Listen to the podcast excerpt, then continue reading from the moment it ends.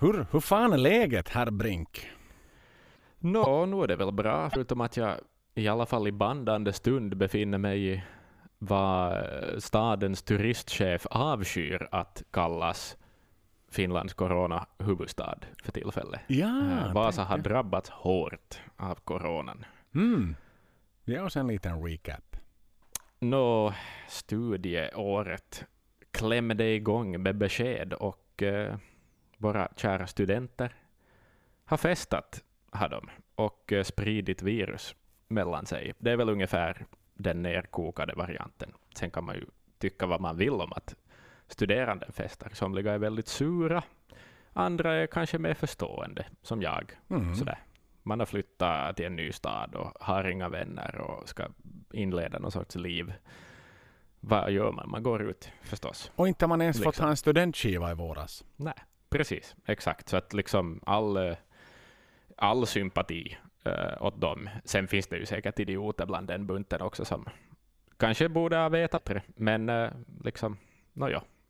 Det är, det är en pandemi, vad fan kan man göra liksom? En global pandemi som jag hörde att någon irriterar sig på för att en pandemi är by definition global. Exakt. Det liksom Det är som att säga RIP in peace. Ja. Vad var det som jag läste som, jag tror det var Metalpod som pratade om när Ghost hade fått något pris. Någon, Mm. någon utmärkelse. Så vad var Det det? här exportpris ja, av staten fick de nyligen. Ja. Mm. Vad var det där? Hårdrocksgruppsbandet eller någonting sånt Jo, de kallar, jepp, exakt, jag reagerar på detsamma. Mm. Musikgrupp.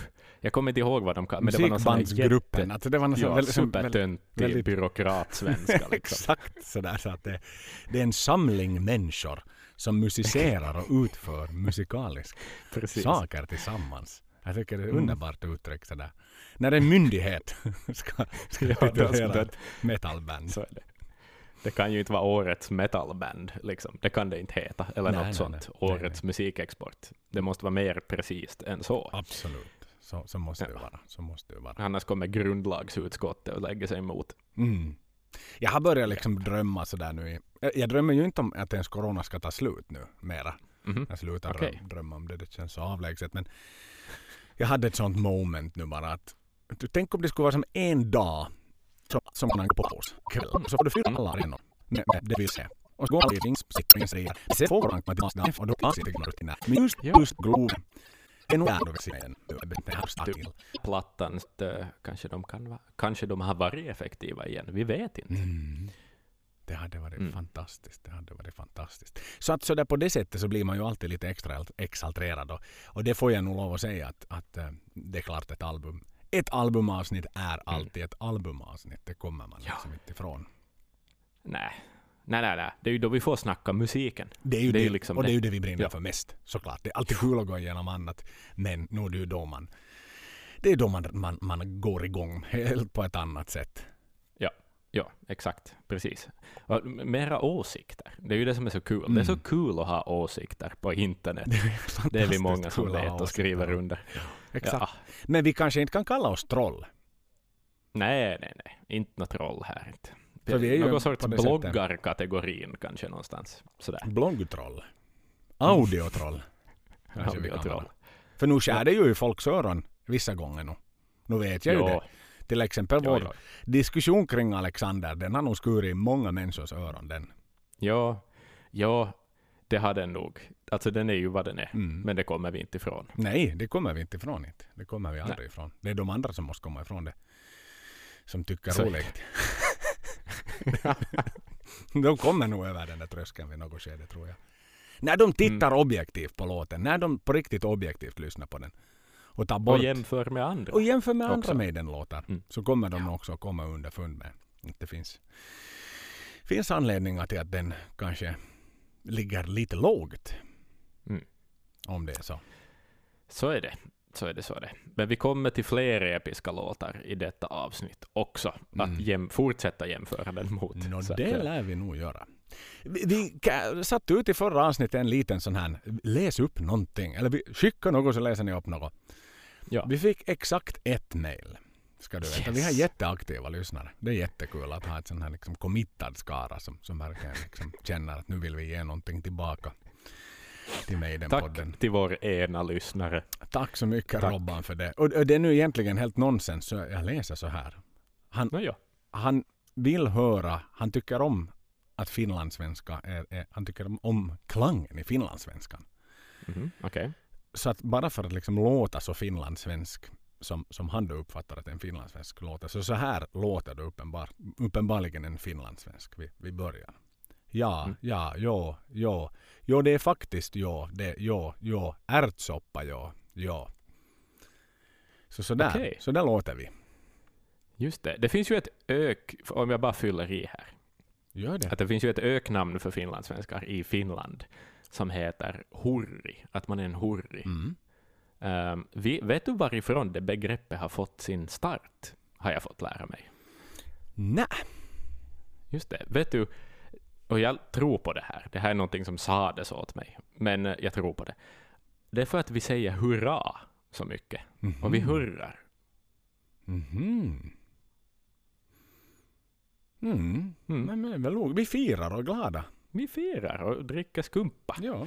ibland, liksom. Den, Ja. den finlandssvenska societeten firar oftare än vad de sörjer. så är det. Ja, det här är sanning. Får man väl lov att säga. Så att, men, men i Mm. övrigt har det varit ganska sådär stillsamt och som sagt det har varit vi avhandlat Janik i, Mm. i föregående avsnitt vilket också är intressant. Och, och kul att veta igen. Han är, han är i allra högsta grad väldigt delaktig också på den här skivan. Så att, eh, Oh ja. de flesta är delaktiga på den här skivan förutom, nåja, Mhm. som vi ju vet sådär i låtskrivande så Nico har sin one and only credit på, på, på Mm. föregående skiva till den här då. Men, men eh, mm, Och lite credit får han faktiskt ändå på den här skivan också. det har vi För ju att- exakt. Och vi har nog säkert Han ett och annat att ja. säga om Nikos vad ska vi säga, bidrag på den här skivan. För det, det, Exakt, det är exakt. ingenting som sådär diskret går under radarn det heller. Nej, för att citera, tror jag Bruce, he wrote the drum parts. Mm. Så att, eh, mm. Det är faktiskt sant det. Men hör du Axel Brink, Mm. bombskydd. Nu Mhm. kan jag för en gångs skull vara riktigt stolt och trygg över att sitta i mitt bombskydd, Axel. Maiden-skrubben må ha en skituppkoppling.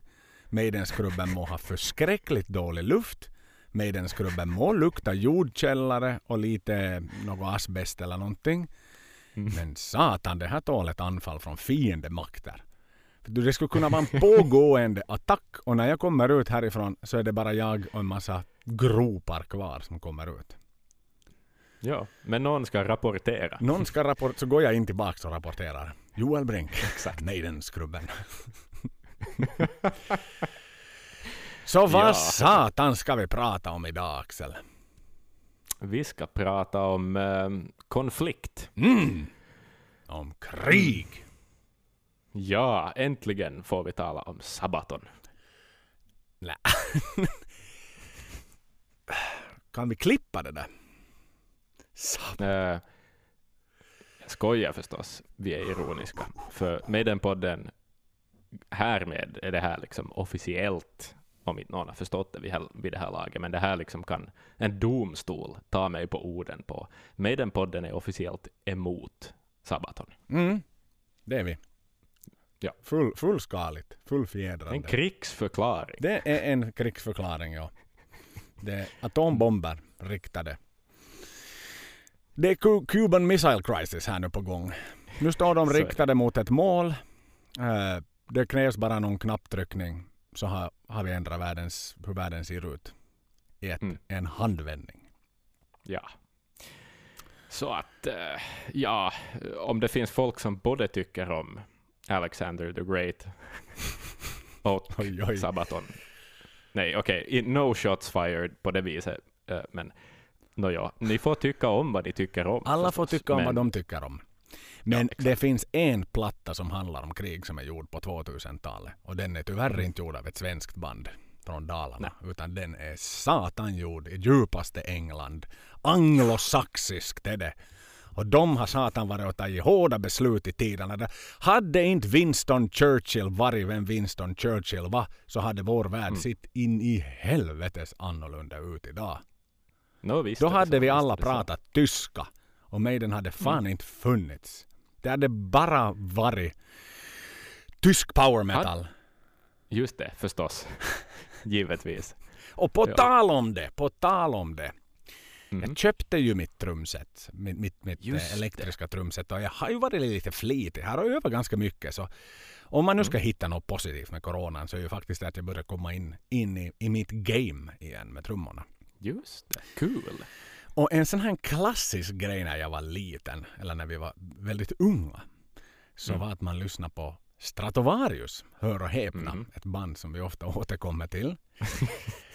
Låten Black Väntas band. Had, är det så att, ja. Var det så att du var ett band någon gång som hade någonting med Stratovarius att göra? Vi råkar vara förband, ja exakt. Just det, precis. Så jag har ju fått Bra. höra Black Diamond live. Men hur som helst, det man gjorde när Black Diamond kom på så tog man ett A4-papper, satte det mot, mm. mot högtalaren, mot förstärkaren mm. och så lyssnade man när, när vibrationerna kom i basströmslagen. Lite mera klick ville ni ha. lite mera klick för att liksom Vittu han är snabb, vittu han är snabb. Jesus vad han är snabb på exakt. bastrummarna.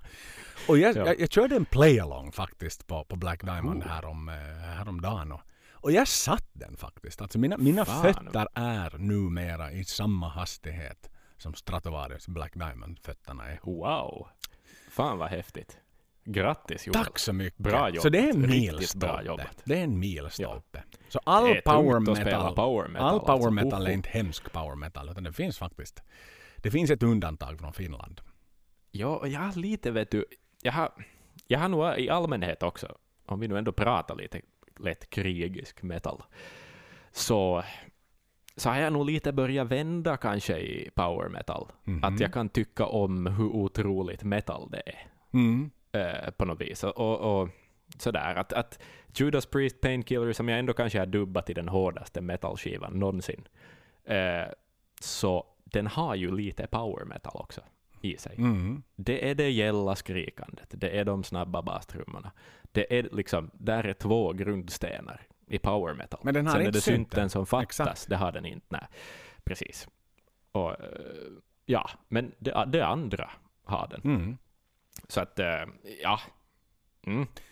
Så, dessutom. Blir du så bra, bra Men jobbat, skulle du bra bli jobbat. besviken om Maidens nästa skiva skulle vara en power metal-skiva?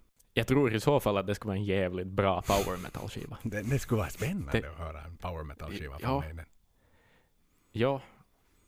Jag vill veta hur de låter när de spelar power metal. Mm. Och då förstås fortsätter vi spekulera. Skulle Nico McBrain hålla sig till en pedal då? Ja, det skulle han. Absolut. För han är ju ganska kvick Okej. i foten på den. Ja, men är han kvick i fyra minuter Mm. i sträck? Mm, det är svårt att säga. Det är svårt att säga. Jag tror att Adrian Mm. skulle ha svårast. Ja, Och eh, Ja. Steve. För Steve måste börja begränsa sig så mycket i sitt basspelande. ja exakt. Han ja, kan inte precis. liksom- Ja, så, Jamma så mycket som han gör. nej, nej. Utan det är ju ganska sådär militärskt på det sättet. Mm. Minutiöst.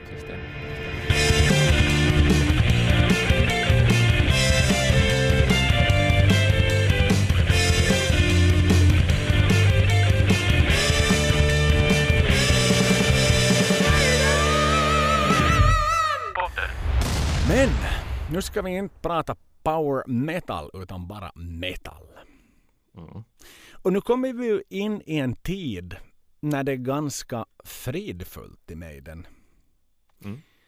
Återkomsten med Brave New World var en framgång av rang. Turnén likaså. Uppföljaren Dance of Death var, en, var också en, en mycket liksom intressant injektion och man tog konceptet vidare och man blev mer teatralisk och, och man började så att säga instit, in, vad heter det? Inte institutionalisera utan att man börjar Internalisera, intern, Nej, nej, sånt. att man liksom... Bra, bra svenska här. Man, bör, man började banka in konceptet varannan best of, varannan albumtour. Mm, Var väl det jag det. egentligen ville säga. Det, det är liksom, eh, Precis. dagens Maiden börjar ta form här, så att säga. Mm. Uh, så det var ju liksom, det är inte så mycket kring det är inga stormar och egentligen inget sånt här jättedramatiskt som hände innan den här skivan. Utan det var Mm. sådär, Ma- Maiden har liksom tryckt landa. De är på väg framåt igen. Och det är liksom inga setbacks och, och, och in, ingen större dramatik utan Dance of Death var en succé, den gjorde bra ifrån sig och man gjorde en framgångsrik turné på den, man turnerade lite annat och så, så naja, nu ska vi fara in i studion och så ska vi göra en ny skiva. Det var liksom Mm. varken mer och varken mindre egentligen. Nej, tänk. Så det är ganska skönt. Vi, vi, så det blir inte så här sjukt mycket backstory i det här avsnittet egentligen. Nej, för att det finns inte så himla mycket att säga. Mm. De jobbar på med god moral. Exakt, exakt. Och har Ja. liksom etablerat sig på toppen där av berget. Och, och ovetande som att de ska bli ännu större än vad de är på Amolad-tiden faktiskt. För växa kommer de att göra. Snöbollen rullar men den, är, den har långt kvar tills den liksom når längst ner i backen och är, är, är, är som störst så att säga. Precis, ja. Även om det ju nog finns rekord involverade Mm. runt detta album också. Se, det gör det. I Maiden-mått mätt. Absolut. Så att eh, man börjar, slutet på 2005 så började man skriva lite musik och så tog man en liten paus från eh, över julen och sen så, så var det dags i mars då att, att så att säga kliva in i studion. Mm. Och påbörja inbandningen och, och, och, och mixande. Det var ju en ofantligt snabb process. Ja, vad en månad? Ja, två Eller något det sånt. tog från början till Två. slut. Liksom. Just det. Ja, Recording and mixing. men det är, det är snabbt det. Mm. Det är snabbt. Och så där eh, Nikos första, vad ska vi säga, vad han, som, som han förklarade albumet när det då väl var klart var det att det, det är jäkligt prog, det är ganska progressivt det här. Mm. Och Steve är viktig där med att komma in och betona att det är inte liksom modern prog utan det är mer sån här gammaldags prog. 70-tals Precis. prog. Som Inga Dream Theater här. Nej, absolut inte. Eh, Så man egentligen man skrev och, och poängen här var ju att här så, så, så testar man ju ett nytt koncept egentligen. Jag är osäker på om man Mm. gjorde det på Dance of Death. Jag tror att man gjorde det här för första gången. Nämligen att man bandade en, skiv, en låt helt och hållet. Sen mixar Mm. man hela låten. Och sen bandar man en ny. Just det. Så att det finns versioner. Mhm.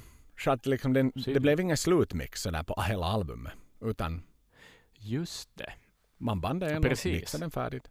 Satt hela den till paket. Nästa, nästa, nästa. Precis. Bit för bit för bit. Mm. Just det. Jag hänger med. Det är spännande. Mm. Det är ett nytt modernt sätt att göra. Ja. Det är inte liksom det här pussel.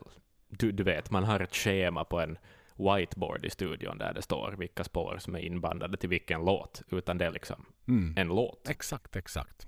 Och sen går vi vidare till nästa. Exakt. Och sen så, som de ju förstås nu för tiden bandar live. Mm. Sen sätter de ju då overdubbarna och sånt här på, på efteråt och Precis. mm, lite solon och sånt här. Men, men äh, Mm. ganska sådär, vad ska vi säga? Grunddynamiken är live Mm. ändå. Energin är live liksom. Samspelet mellan Steve och Nico och så vidare. Liksom. Det är där. Mm. Exakt, exakt, exakt. Så, eh, så, där, så det som sagt inte så mycket konstigt. Vad kan vi annat säga om skivan? Får den igenom, får den igenom äh, masteringsgubbarna eller?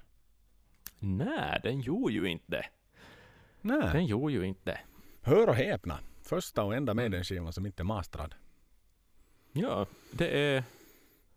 Känner du till många omastrade skivor som är utgivna? Nej, Förutom sådana Jag kan nog inte påstå att jag som gör man det. aldrig har haft råd att mastra. Nå, förstås sånt ja, men något stort och berömt? Ah, nej.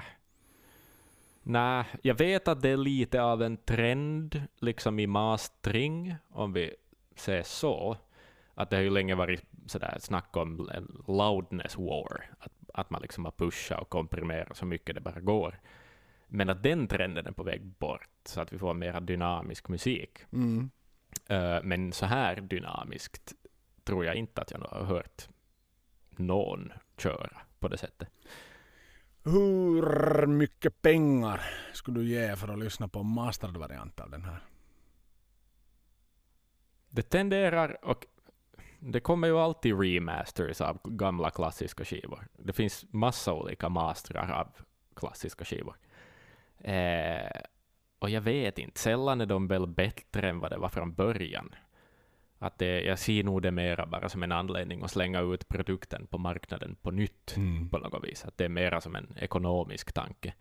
Ehm, så jag, jag, jag, jag är ganska nöjd Du hade gett noll pengar. Ja. Mm. Faktiskt. var den Jag är, riktigt, jag är rik som jag är. Du är rik i den här tillvaron som, som Steve Ja, också om det var nöjd så här de ville att den skulle låta så är det så här den ska låta. Mm. Nej, men det var ju Steve som ville att den inte skulle mastras. Mm. För den var väl på väg. Tänk. Det här var väl ett beslut man fattade så att säga. Just det var inte planerat egentligen. Just det, att han hade bara så bra filis. Mm. Sådär att vad fan, nej, det här är bra som det är. Varför göra det? Varför göra något åt det? Mm, exakt. Tänk vilket självförtroende att kunna fatta ett sånt beslut. Ändå. Mm. Det måste jag nog säga. Hördu, det är ju nog så. Det är ju nog så. Äh, men vad fan. Första singeln. 14 Mm. augusti 2006. Då var det dags. Minns du den från radion? Vilken låt det nu må ha varit. Det tror jag du minns. Reincarnation of Benjamin Brieg. Oh yes. Oh yes. Minns du... ehm, minns du att du har hört den på radio? Ja, jag har hört den på radio, på Radio Rock eller Radio City. Någondera av de här kanalerna spelar hårdrock i Finland. Så att eh, någondera av dem. Mm. Minns du att de klippte bort det intro där? Introt var borta, ja. Exakt. Eller vad vi nu kallar det. Första versen eller någonting. Mm. Ja. Så kom det in. Det var singelversion, radioediten, jepp. Exakt, exakt, exakt. Och poängen var ju där som, som Janik själv nu har sagt att, att liksom, inte får de ju ändå någon airplay-tid. Så de kan ju lika bra ge ut en lite längre låt som, som singel också. Men sen så hittar ju de radiostationerna ett kreativt sätt att så att säga sätta den och ge den lite airplay. För, för jag menar vid den här tiden var Maiden, Maiden var stora och Maiden var intressanta. Det är klart Mm. att rockkanaler inte liksom prioritera bort den här när Maiden kommer med något nytt för helvete. Det är Mm. klart att den Nej. ska få airtime. För, för jag menar än en gång, liksom, om du tittar hur radion har, har utvecklats. När blev... När kom alla Radio Rock och Bandit Rock och, och, och alla rockklassiker och sånt här liksom?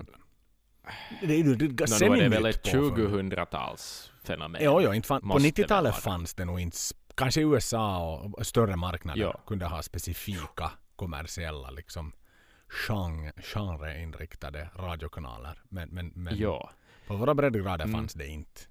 Nej, men det har väl att göra med att liksom eh, den här flödesradion, som det kallas, utvecklades. Att det inte var program på det sättet, utan mera ett flöde. En, en programledare i studion under en lång tid som lägger fram olika saker. Mm. Och då blev också musikkulturen på radio en annan. Då är det väl spellistetänket. Och där kan man ju sen börja differentiera sig med vilken musik man spelar som kanal. Att det är liksom Mm. mer enhetligt. Och det är väl då det växte fram. Så jag skulle säga att tidigt 2000-tal typ. Japp. Hörde du du, Mhm. jag tänkte fråga dig lite om eh, album art- artwork. Oh. Det är ju kanske den snyggaste skivan på 2000-talet. Mm. Det är den snyggaste skivan på 2000-talet. Det är den ja, jag vidhåller detta. 2000-talet. Ja, den, den är nog dramatisk alltså. Den är, den är det. Den är... Ah, det finns så mycket att se på, på ett, på ett balanserat sätt. Liksom vad alla de här skeletterna gör. De sitter och röker. Och det är liksom... Det är Band of Brothers fast med Eddie och skelett Mm. På något vis. En koreansk krigspansarvagn ska det visst föreställa. Mm. Mm. Har du räknat hur det många medlemmar som är med? Eh, är det Det är sex. samma sex medlemmar? Absolut. Just det. Kanske ett litet subtilt budskap där på att... Men är det Eddie som... Är det Eddies troops eller är det, är det krigsfångar? Det är... Nu är det Troops. Det måste ju vara. Tror du det? De ser ju... Ja men för Ja. de är ju beväpnade. Han hade ju inte Ja, varit så dum i huvudet så han hade låtit dem ha bössan på om de är fångar. Nej, exakt. Och en är så avslappnad så han sitter och röker. Mm. Inte vet jag varför det är man, men det är svårt att säga i och för sig. Men Man vet inte män tenderar att vara i krig Mm. i högre grad än kvinnor. Det är en statistisk faktum. Och, och jag vill bara ägna en sekund åt att hedra ikonen. Crossed Guns-ikonen. Jöstas vad den är snygg den loggan alltså. Ja, den är Den bra. har jag varit den är ruskigt bra. nära att tatuera in. Ah. Ja, men den är ju lätt då. Det är ett bra motiv. Det är det ju. Mm. Det är ju som en ikon Ja, ja. mera. Faktiskt, ja. ja. Jag var faktiskt och rota i källaren eh, då, eh, då vi kommer in på turnén sen, men då jag var på turnén så var det här. Eh, jag köpte, eh, det enda Birch jag köpte på den turnén var en sån här dogtag halsband Mm. med den loggan på. Så det var ganska nice. Och så stod det väl typ Benjamin Brieg eller något sånt där på andra sidan. Uh. Ehm, så det var tuff. Ja, det var Men hans eh, jag, jag, jag, dogtag. hittar, jag har inte hittat den. Mm. ja. Vad kan vi säga? Tim Bradstreet är, är denna, denna artist bakom detta eminenta konvolut. En amerikan. Mm. Mm. Gjort mycket filmaffischer. Eh, olika typer av bok, bokfodral och en hel del eh, Mm. tecknat. Alltså comic books också. Just det, precis. Som man har jobbat med i tiderna. Väldigt liksom laidasta laitan som det heter i Finland. Liksom från det ena till det andra så att säga. Om man nu tittar något som är lite mera kanske bekant så The Punisher har han gjort någonting. Blade 2 Okej. har han gjort liksom det här eh, filmpostern till 28 Days Later. Ah, ser du. Det är en bra film. Visst är det så. Så lite så, sånt har han jobbat med eh, efter det där. Förstås hans, hans största någonsin så är ju Maiden. Bara att få glädas Ja, givetvis. med. Men eh, jag skulle ju säga att den är oerhört beskrivande. Det här, konvol, det här eh, ja, konvolutet helt enkelt. Eh, för vad innehållet egentligen då presenterar. Mm. Jag håller med. Jag håller med. Det, en, det finns en enhetlighet. Och det, ja, det är ett snyggt omslag alltså. Mm. Mycket Faktiskt. smakfullt. Mycket smakfullt. Och sen, eh, ja men vad fan ska vi säga? Vi, skivan släpptes den 25 augusti. Stod jag i topp 10 kön igen. Det är ju faktiskt Mm. ganska kul för nu börjar man ju vara lite rutinerad. Nu hade man ju som redan gjort det Mhm. en gång. Varit med om en release Precis. och nu visste man lite sådär. Man kunde stå lutat lite mer avslappnat sådär och, Mm. och helt enkelt liksom veta vad som händer. Jag tror inte att jag Mm. fick köpa den före, men det, det var ju säkert en klassiker i Antilla. Vet du, de hade fått den levererad så par, en par dagar innan såklart. Och så vet du, säl, säljer de ju ut Mm. den för de vet inte bättre där. Så den 25 augusti fick jag gå hem med min inplastade skiva. Som kom med, den hade en, hade vi varsin? Nu måste du nog haft en egen. Ja, vi hade varsin. Jag misstänker lite att du kanske bodde i Åbo på den här tiden. Ja, hör du det är fan mig helt rätt och rimligt. Så jag måste ju till och med vara i Åbo, i Ant- Antilla Åbo. Mm. och köpt den här. Det är väl självklart det. Ja, för därför vet jag inte, om- liksom, jag förstår inte varför vi skulle ha köpt varsitt ex om vi skulle ha bott under samma tak. Jag tror att jag skulle ha låtit dig köpa den först, lyssna på den och sen kanske köpa ett eget ex då du flyttar ut eller någonting. Men eh, Mm. ja, jag, jag Men den hade misstänker ju sån lite det, för jag har den här skivan. Minns du det? Mm. Minns du att den hade en Jo, sån här? just det. Jag hade bara den vanliga uh, plastcasen. Mhm. Vi pratar ju inte alls om att den är inspelad i Sarm West-studion, Axel Brink. Nej, det gjorde vi Det inte. kanske vi ska ägna lite tid Va- åt. Vad har vi på Sarm West Studios? No, det är ju en, en, en studio hemma så att säga. De, de, är, de är hemma i England och bandar denna gång.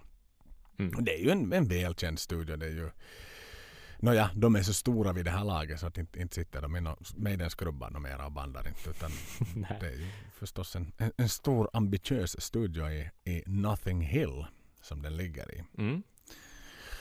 Eh, founder of Island Records, Chris Blackwell heter han som har liksom hittat på den. Och, och tittar man nu sådär vem, vilka digniteter som under årens lopp har varit där så Bob Marley, Steve Winwood, Free, Bad Company, Nick Drake, King Crimson, Just det. Roxy Music, Cat Stevens, Traffic, Jethro Tull, The Clash, Pet Shop Boys, Depeche Mode, Ja, Eagles, ser Dire. Straits, East 17, Take That, Boyzone. De var alla på kö där, de här pojkbanden. Paul. McCartney, Stones, Led Zeppelin förstås. Aguilera. Så att Ja. sådär, det har varit en del digniteter i den, i den studion, Exakt. får vi lov att säga. Eh, ja, eh, vad kan vi nu mera sen säga? Kevin Shirley, jag behöver ju nu berätta att han har producerat den, det vet vi ju i det här läget. Liksom. Ja. Det är någonstans ganska uppenbart. Och jag tror att Mm. lyssnarna har ganska bra koll på att han cementerar sin plats ganska bra i Maiden efter Brave New World. Och inte har han någonstans någonsin varit illa ute efter det. Nix, nix, nix. Nix filiox så tittar vi då på på, på, på eh, vi var inne lite på att Reincarnation of Benjamin Brieg då var den första singeln som gavs ut den 14 augusti. Mhm. Som B-sida gav man ut Hallowed be thy name. Och eh, ja, så kommer vi ju in på det lilla, den lilla detaljen Mm. på, på första singeln från Maiden, från Am Amolad. Varierande resultat. Varierande resultat. Tittar vi på Schweiz så landade den på en 74 plats. Det var, det var lite säkert mycket jod, jodlerimusik som gavs ut samtidigt. Och De är för neutrala de är för neutrala. för att exakt. ta ställning. Mm. Tittar vi på fransmännen så hade de fullt upp med någonting helt annat de också. Inte Mhm. köpte de den sådär jävla mycket. Tittar vi på tyskarna 2000. De köpte nog mest power metal vid den här tiden. De var Ja, inte så förstås. intresserade av brittiskt. Så där var den också ganska lågt på en 39 plats. Eh, Mm. Irländarna var nu inte så där hemskt förtjusta i den heller. Trots att den nu ligger där nära till. Men, men det Mhm. var kanske någon, någon Riverdance föreställning som också gavs ut re-released på, på dubbel-CD där. Exakt. B- börjar vi titta lite hemåt, hemåt. Mhm. Så börjar vi komma in på den nordiska marknaden då. Då har vi Mhm. ju har vi norrmännen som bjöd in den på nionde plats. Mm. Okej. Sen har, vi våra, sen har vi våra danska vänner som bjöd in den på en fjärde plats. Oho, oho. Ser man på. Mm. Sen finns det då, du har liksom, det finns plats tre till ett kvar. Mhm. Och eh, ska vi säga så här. Vilka två resterande nordiska länder hur, i vilken mån köpte de singeln? Har, har vi Island med också? Nej, Island är borta sedan länge. De Okej, var värre än okej. schweizarna. Just det, just det. Eh, nå, nu är den ju på en första plats i Finland nu. Självklart. Självklart. Nå, vad tyckte svenskarna om den då? De tyckte att den var tredje bäst, tror jag. Hörde de tyckte lika mycket om den som oss. Är det sant det? Mm. Ser du, ser du. Vad roligt att höra. Det värmer hjärtat, det värmer hjärtat att prioriteringarna är rätt. Och sen var det faktiskt ytterligare ett land som bjussade in den på nummer uno. Och det är Mhm. faktiskt det språket sa det på. Det vill säga Spanien. Oho. Och okej. de är ju lite nya så här i våra listsammanhang. Spanjorerna Faktiskt. inte, Jag inte tror inte de har nämnts. Nej, italienarna har varit där uppe och, Mm. och susat och snusat. Och, men äh, spanjorerna har... Nej, det måste ha varit felstämda flamenco-gitarrer. Bara. Så är det det år. För att inte låta så st- goddamn stereotypical liksom. Det, Exakt. det, det är inte PK det sätt jag liksom beskriver länderna när vi jämför hur Maiden handlas. Så att säga. Men vi måste ju säga någonting om Finland också. Mm. Nej, men det kan vi inte göra för att de, ja, de, ja, inte vet jag. Vad var det det året? Det var för, kanske de ställde in tangomarkkinat. Ja, kanske det. Kanske det. Eller Det var så... slut på knivar i, i butiken. Mm, exakt. Annat. Så, okej. och, och i Sverige hade ryktet om att ABBA inte gör en reunion nu heller även kommit upp på Aftonbladets löpsedlar. precis, exakt. Där har Så vi då tänkte man, "Nej, men vi köper väl Maiden då. Och Lena PH var inte med i Melodifestivalen det året. Exakt, exakt. Mm. Så att vi får vara stolta, vi klappar och vi ger oss själva en liten applåd Axel. För vi var faktiskt med och köpte den här singeln också. Ja, så att vi har bidragit till det här. Vi är en del av siffran. Det är det som är så roligt nu när det är på så att säga modern tid. Vi fick vara en del av siffran. Tittar vi Mm. på singel nummer två då. Den lilla eh, andra singeln. Vilken var det nu då Axel? Minns du? Vågar du gissa? Eh, den där eh, Different Eft- Worlds. Eftersl- exakt eftersläntraren. Mhm. Och då gav man också ut Hallowed Be Thy Name i USA som en sån här Radio One session variant. Just det. Och The precis. Trooper också på den. Tittar man på, på europeiska singelutgåvan så gav man ut eh, en live-variant av Iron Maiden. Mm. Och så gav man ytterligare ut en DVD-singel med eh, Hokus Pokus eh, som coverlåt. Just det. Det är den de snackar om på dokumentären också. Mm. Mm. Korrekt då. Sen gav man till och med ut den som en 7-tums picture disc med Fear of the Dark live. Ooh. Och den kom ju, som vi ju vet, med singel nummer två kommer ju som en eftersläntrare när albumet är utgivet. Så den här kom ju så sent som 14 november 2006. Men vi ska ändå inte glömma att det här är inte riktigt uh, ladd, nedladdnings... Den, den börjar komma riktigt här. Det här den börjar riktigt... Eller vad fan, och fanns Mm. den ju. Det är klart man sög ner. 2006, det gjorde man ju. Är jag Jo, för jo, naiv? jo.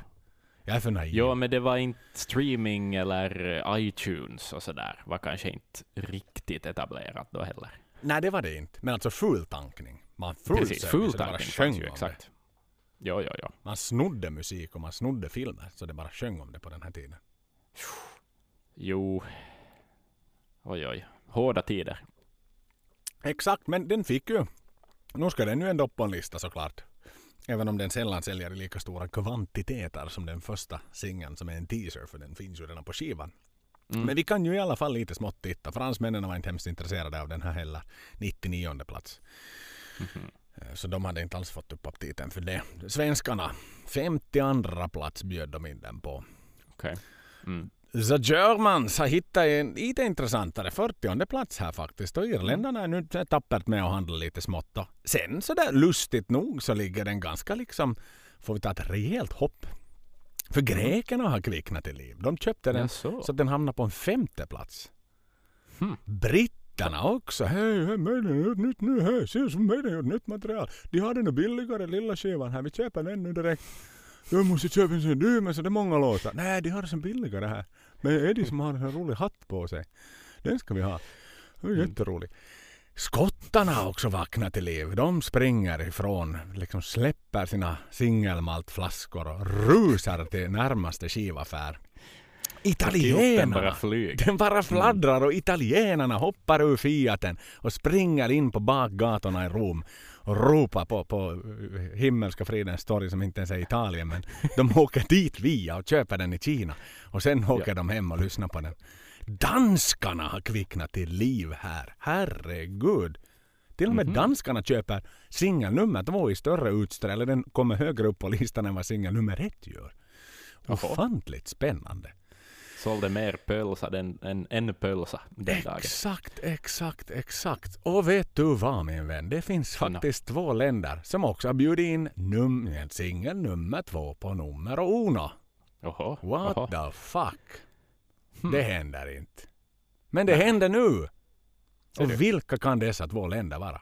Kan det månne vara Finland och Sverige? Nej, Sverige var ju toasted sedan länge. De var ju på Ja, just 52 plats. Då hade ju Strax. Lena var det PH ju. redan släppt Just sin singel och då hade ju ryktena igen börjat florera om att ABBA gör Precis. en comeback. Fan ändå. Just det.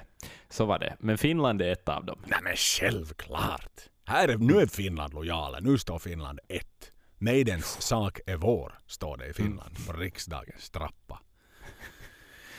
Och vem var de andra då? Vi har ju en kompis som var med oss och delade första platsen på första si- singeln också. Ah, just Okej, precis. Si, por favor. Vad har hänt? Vad har hänt? De har blivit frälsta. Flamencon är död. Så är det. Satan så skönt. Jag undrar hur många musikkolumnister i Spanien som har skrivit den rubriken genom åren. Mm. Flamencon är död. Sådär som man dödförklarar rocken en gång på fem år. Mm. Det kan Ja. vara. Men tänk det hör du. Tänk det. Att den pika i Spanien och Finland nummer två. Den liksom mest onödiga singellistan som finns. Ja, Men, men, men glad blir hemskt, man ju för det. hemskt otippat. Ja, det är en våg. En våg av spanskt alltså. det. Det är helt sanslöst underbart. Det är helt sanslöst underbart. Nåja, nåja. Nu vet jag ju nog vad du vill komma till och vad ni alla vill komma till. Nu har vi ju varit och teasat lite med, med det här liksom dryckesunderlägget. Men nu kommer ju flaskan Mm. på det här dryckesunderlägget. Det är ju nu man så att säga får, får veta om man ska om man ska ta en eller om man ska ta tio så att säga. Mm. Eh, Vi börjar väl titta lite, vad ska vi nu säga, var den, var den landade så att säga. Mhm. Mhm. Spännande. Nya Zeeland, Seel, Zeeländarna var faktiskt lite intresserade av Maiden på den här tiden. Mhm. Hur kan det komma sig? De är inte så där hemskt ofta på en lista. Både Nej. de och kamraterna i Australien. Nya Zeeländarna 16 och Australien på en 12 plats köpte de. Portugiserna började digga Maiden ordentligt. Mhm. De gillar Maiden så, så till den grad att den landar på en elfte plats. Så den ryms inte med du vet i butiken på det topp 10 stället. Nej, Du vet i exakt. Så har du den där 1 till 10. Dit den Precis. satan rymdes inte med där i Portugal. Det kan jag tycka är lite tråkigt. Ja, ja. Nå, har vi den här astronomiska marknaden, make or break, Billboard-marknaden då. Vad tror Mm. du den trillar in där? Ganska högt. Ganska högt. Va- Vad ska, vad ska jag dra till med? Mm. Uh, tolfte plats. Det är högt. Hör du nej. nionde? Nionde. Oh. Det är deras enda topp 10 Billboard-skiva. Inte illa. Och där var det där rekordet som jag nämnde i början. Mm. Mm. Så bara en sån sak. Danskarna, hittelisten, åttonde plats. Mm. Olsen Brothers var nog där och gav ut några dubbelskivor de också innan. Mm. Tittar vi Precis. på... Tittar vi, irländarna fick sen igen fart med själva skivan. De är ju Mm. lite snåla och sparsamma där tydligen. Men på femte plats liksom landade den där. Tittar vi hemma, hemma vid Mm. så. Så har vi ju en, eh, en fjärde plats. Ja. Spanjorerna då, nu blir det ju intressant. Nå, Mm. vet du. Name the, na- name the game. Kan, kan ni liksom standa hit nu? Eller har ni bara varit och liksom, vet du, rivit lapparna men inte, inte kasserat in dem alls i kiosken Mm. och löst ut någonting? Fjärde plats, fjärde plats. Oho. Ha. Jag vet inte riktigt hur jag ska bemöta det där. Ja. Men det är ju ändå högt. Det är det ju. Jo, för att vara Spanien så är det ju det högsta de Ja. säkert någonsin har kommit. Men Ja. de köper singel 1, de köper singel nummer 2 så att den seglar upp.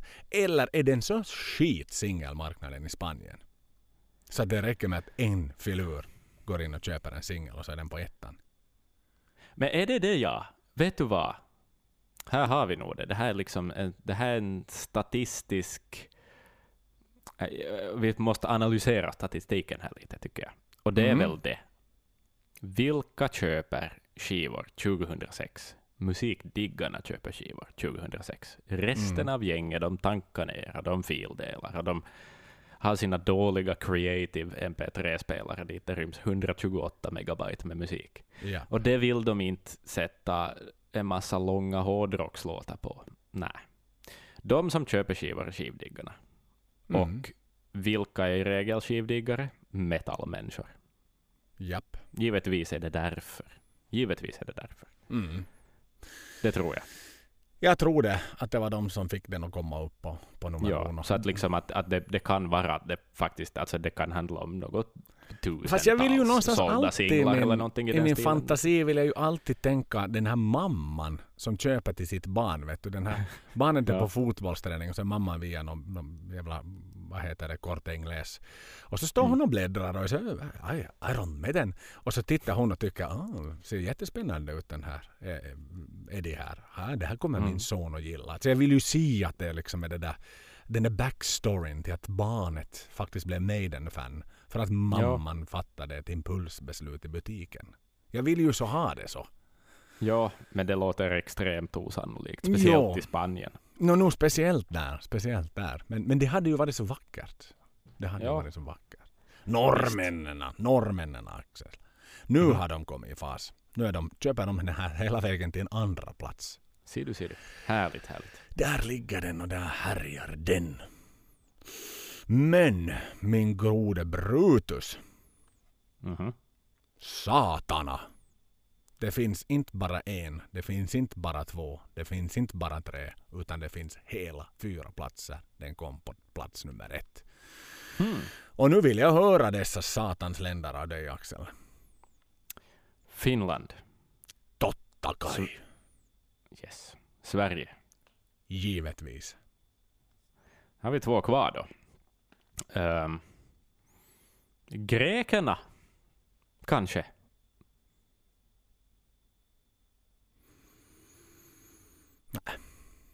Nej. Nej. Våra gamla vänner, våra gamla vänner. Tänk, de som också köper Maiden. Som de har gjort hittills. Uh, italienarna. Jajamän! Jajamän! Tutti, tutti, tutti! Okej. All right. Och sen uh, slänger jag in en wildcard. Um, Kanada. Nej, Polen faktiskt, av alla Just jäkla så. länder. Så har liksom kvicknat Okej. till och blivit Maidenheads här. Ser du? Nej men förstås, vet du. Uh, vad, vad är det han säger? eh, i, i Be- Behind the Iron Curtain. Vad är det han säger? Vad är det han kallar Maiden? Då han beskriver Maiden. Oh, It's the blues. It's the... Vad är the det? rhythm. It's, the, rock. It's the It's rhythm. the blues. It's the blues. Mm. Han, han har liksom äntligen, folk har lyssnat på honom. Ja. Sen ska vi inte glömma, det finns en till. Officiell topp 100-list. Aha. Mm. Nu jävlar har tyska tankarna kommit kom i fart här. Ja. Okej. Så, så, sådär, vi kan tacka och bocka och säga att det var faktiskt fem och inte fyra nummer uno. Drog in där. Men vi är ju stolta. Alltså nu är det så satans roligt nu. Vilken högborg av metal vi, vi liksom verkar i. Vet du, oj, Mm. oj. Sydamerika, ni är så jättebra publik. Men oj, var hittar vi er på de här listorna? Mm. Mm. Nä, hörni. Sorry, Nej. vi köper. Det där är Satan. intressant faktiskt. Mm. Ja. Men vi köper skivor här. Vi köper de här jävla plattorna vi. Tittar vi Mm. lite sån här certifikat. Det fanns ett satans ställe i hela jävla världen den drog in en Platinum på. Och var månne var det?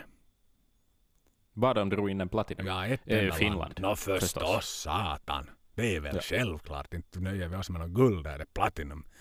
Guld får det bli Mm. Sverige, guld får det bli Grekland, guld får det bli Kanada och Tyskland. Brasilien, i och för sig sålde den guld men Mm. den seglade inte upp som en, som en eh, på, på deras eh, billboard inte. Nej, precis. Och sen är det väl nog kanske det där med Sydamerika att den är ändå så nisch. Alltså där, även om metalheadsen är extrema så är Mm. de så nischade. Alltså du har, det är ju som folkmusik på ett annat sätt här i Norden. Ja. Och liksom det är Ja. okej att köpa en Maiden-skiva men, men det är som så mycket kulturella skillnader ändå på något sätt sådär från att Ja. vet du, gilla Nå, säg nu vad satan heter en samba liksom till att köpa. Ja. Jag köper samba och Maiden. Ja, och det har väl också nog att göra med, med den katolska kyrkans grepp över den kulturen kan jag tänka mig också. Mm. Och sådär. Det är mer ett statement att vara metal i, i Sydamerika än vad det är Jo, här. men vad fan på, på Fear of the Dark-turnén som vi gick igenom här i förra avsnittet så då var de till och med förbjudna att spela i uh, Just det. Precis. var det nu var. Något land i Sydamerika i alla fall. Ja. Så blev de liksom Ja. bannade för det. Så att på det sättet är det klart att det finns ett motstånd mot de här. Definitivt. Ja. Just det. Men, vi kan vara stolta vara stolt. finländare Ja. idag. Platinum och ettor överallt. Överallt och överallt. Finland Mm. gillar sitt Maiden. Sverige gillar också sitt Maiden, men Finland gillar det ännu lite mera. När man till och med bjöd Ja. in singel nummer två på första plats och enda landet i världen med Platinum. Huh! Det kan ingen ta ifrån oss Axel. Och vi Nix. har varit direkta bidragsgivare till denna framgångssaga. Så vi får klappa oss på axeln. Ja. Faktiskt. Har vi bara två ex per familj. Liksom. Exakt. Det tycker jag är bra. exakt. Och vi Tänk tackar var er alla alla andra ute. familjer också. Alla där ute som har köpt den här skivan. Tack, tack, tack för att ni gav lite pengar åt Maiden. Hördu du du. Det finns ju lite låtar på den här skivan. Ja. Känner, det. känner du dig hugad? Och, Så och hugga hugad. in i musiken. Ja. Different Worlds. Adrian och Steve. 4.17. Ja, så roligt att Nico får inleda hela den här ski- skivan. Oj! Oj! Så bra. Haha. Och då har inte ens musiken börjat ännu. Men man är redan glad. Mm. Eh, Kick-ass är det ju. Det här är snabbt, konventionellt kan man tycka kanske, men väl arrangerat och bra. Helt klart är de över sin egen ribba. Bruce är i så bra form. Hoho. Och sound är väldigt bra, det måste man konstatera. Trummorna smattrar och gitarrerna lever i sin dist och det är bra. Ehm, den här pre-chorusen och låten är ju ganska poppig. Ehm, jag vet inte, det, det ger mig lite något sorts Rain, det är lite Rainmaker. Ja, Kanske. faktiskt. Den- den här- det här albumets Rainmaker. Det är jättefalskt och konstigt det där. Jag lät inte Men, alls men i närheten. Nej, men det var nog det. Var, det, var nog det. Det var nog det snedaste Och det jag någonsin där- har kommit in på. Nynna någonting i vår podd. Man drar nu något toner och säger lite nö, nö, nö, så, så kommer man en bit på vägen. Det där är kul också, liksom uppbyggnad på det viset på låten, att man går från en vers till en pre-chorus, till en chorus, till en pre-chorus igen. Det, det tycker jag är spännande. Eh, och sen eh, det här uh, huvudriffet från, från introt är med tillbaka, och en instrumental del förstås. Man har lärt sig det här receptet vid det här laget. Det ska komma en instrumental del i varje låt. Och det är gitarrstämmor, det är trestämmigt, till och med så att det blir liksom lite jazzigare klanger. Det är nästan lite maj och mollsjuor där, sådär, om man ska vara nörd. Och grymt bra solo av Adrian Smith också. Liksom, han kan, han bara utvecklas. Det är spännande med Adrian Smith, men han lär sig nya grejer nästan till varje skiva, eller så slipar han till det han redan kan till perfektion. Han är- måste ju nog öva ganska mycket gitarr. det tror jag också faktiskt. Jag tror han spelar extremt mycket gitarr. Mm. Förstås, på alla spelningar har han ju fått slipa grejer till perfektion. Men också sen i studion, att han är nog väl förberedd på Mm. något vis. Ja. ehm, sista refrängen kommer in och det där, eh, det är till sådär, här igen, väl arrangerat. Och det kommer jag återkomma till, tror jag, på den här skivan också. Men det kommer ett, ett till gitarrlager i den sista refrängen då, som ligger ganska långt till höger i mixen, en sån här lite malande gre- melodigrej. Bra inledning. Alltså en konventionell albumöppnare, Mm. ska sägas, men men, men liksom helt klart över ribban. Mm. God kvalitet. Mm. Fartfylld rocker med tajta riff och melodier. En, Mm. eh, en presentabel öppning på en helt ny Maiden-skiva. Den, den avslöjar ju egentligen ingenting om vad som komma skall. Nej, det gör Det det är inte. lite som ett presentpapper, hela låten.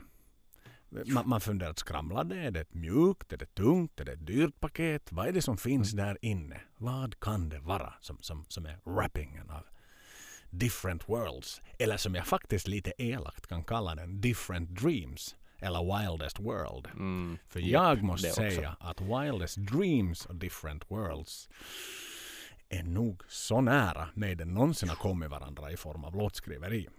Ja, De Ja. är nästan identiska. Lägger du till eh, låten som kommer efter då, El Eldorado, som är öppningslåten på Final Frontier, så är den inte i närheten. nej. Eh, eller vad ska vi säga, den fartfyllda rockern, så är den inte i närheten. Men, men, men eh, Wildest Dreams och Different Worlds är väldigt nära. I, inget illa, alltså de välskrivna snabba rockers, metal, som, som, är, Mm. s- som har pumpar på, pumpar på väldigt bra. Och Bruce, som du var inne på, han sjunger väldigt bra här. Man märker det på honom. Att det är liksom, han glider så snyggt och elegant över, över alla toner och liksom landar dem perfe- per- perfekt och precis exakt där han Mm. vill. Och det finns något med det här med att Adrian skriver musik. Det är lätt för Bruce att sjunga när Adrian skriver musik. Ja. Det blir inte där. För, för Bruce, vad ska jag säga, Adrian är ju en sångare också. Så jag tror att han skriver på ett annat sätt med Bruce i åtanke, eller med sångarhjärnan i åtanke. Till skillnad Mm. från Steve som vi ju känner till som gärna fyller på med väldigt mycket story. Mm. Som kan bli lite svårt att hanka sig fram. Sen löser ju Bruce det för det mesta väldigt väl. Jag förstod att den egentligen inte alls var skriven som en uh, fyra fjärdedels eh, låt utan den var skriven i sju, sju fyra Mm. ursprungligen. Just det. Så att det var sen med Steve då som Steve tänkte att "Nå, men nu river vi kär den här lite och fixar, fixar igång den så. Och eh, när han då väl lyssnade på den, när de var klara med låten så, så, så fick också Steve den, den sanna uppenbarelsen att hej, det här är ju Thin Lizzy. Det här Mm. är vår tribute till Thin Lizzy. Mm. Så han fick, en, Mm. fick den här som en, som en liten hommage till, till sina sanna hjältar. Härligt. Men ett, ett presentativt sätt eh, måste jag säga. Representabelt sätt att öppna skivan på. Absolut inget fel på den. Nej, nej, nej. Alltså inget fel på den. Men som du sa, lite sådär, man vet inte vad man ska få. Den, den, ja. Den avslöjar Ännu. ingenting. Och, och sen ska Nej. det ändå tilläggas här att om du nu tänker att, att Wildest Dreams ju var första singeln på Dance of Death. Så Mm. var det ju ganska eh, icke-konventionellt att sätta den här först som andra singeln. Det här borde ju vara den naturliga singeln. Ja, ja. Men här exakt. gav man då istället Benjamin som första singel och satt den här som andra Ja. singel. Så det var ju på det sättet gjorde man ju inte en copy-paste och satt den här som, som första Nej, singel. Nej, som nej, man tänkte Wildest. om där. Det gjorde man. Ja, Mm. Precis. Så att men vad fan, vi är inne i matchen och, och det är full fart på gång här. Ja, så så vi det. tar ett steg vidare, det oftast kring tvåan. Någonstans där kring så man lite börjar kunna skrapa fram något fragment av färger åt vilket håll vi ska Mm. gå denna gång. Och på tal om just färger så är det ju These colors don't run. Här Mm. har vi The Golden Trio. Adrian, Steve och Bruce. Klockar in på 6.52. Ett långt statement direkt från start. exakt. Katten är ute ur väskan. Hoho, okej. Stämningsfullt, snyggt intro ska sägas. Nu börjar det liksom komma in lite av det här, det här eh, dramatiska på den här skivan. Sådär. Att man lägger in saker som får växa till något vi inte riktigt vet ännu. Mm, fint. Tempo stiger lite. Nico kommer in och versen kickar igång en ganska också poppig vers, skulle jag säga. Det är de där ackorden. Det är den där fyra ackordsföljden som ju är så känd i popmusik överlag. Men Maiden, jag, jag har, okej vad ska jag säga, det, jag har svårt med den ackordföljden, men här lyssnar jag ännu nog, liksom, för det är ändå Maiden. Eh, uh, Maiden kan göra det, det är helt okej. Pre-chorus, det, det är liksom samma ackord men en annan melodi, och det är också ganska effektivt. An, alltså här känns det som att det är Adrian, det är Adrians hithjärna som är sådär att vad om vi kan skriva en Maiden-låt med de fyra popackorden men ändå göra det bra på något vis, men vi håller oss till det här. Så det är liksom effektiv användning och låten växer och refrängen kommer, det blir en tempoändring återigen, samma ackordföljd. Liksom, det där är ganska finurligt faktiskt, fast jag är lite allergisk mot den där ackordföljden. Och vi får vers till och en pre-chorus igen och en bra refräng till, men liksom, där reagerar jag ändå på att varför tycker jag om det här ändå, fast det är de där fyra ackorden? Jo, det är för att de har en tyngd. Liksom. Mm. Det är Maiden. Det är ju trots allt ändå Maiden vi lyssnar på.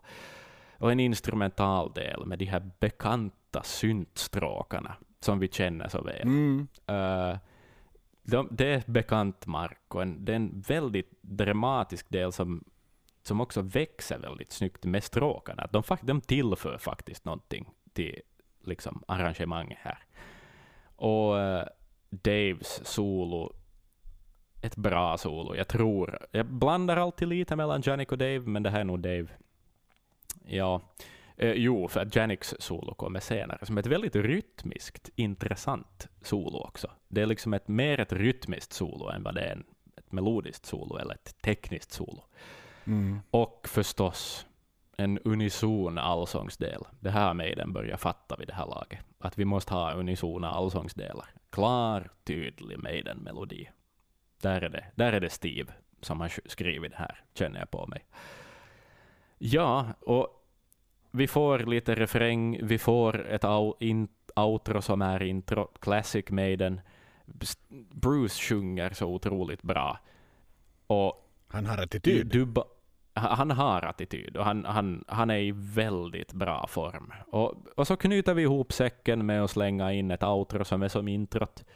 Och så har vi ju då förstås den berömda gonggongen Mm. som bankar här.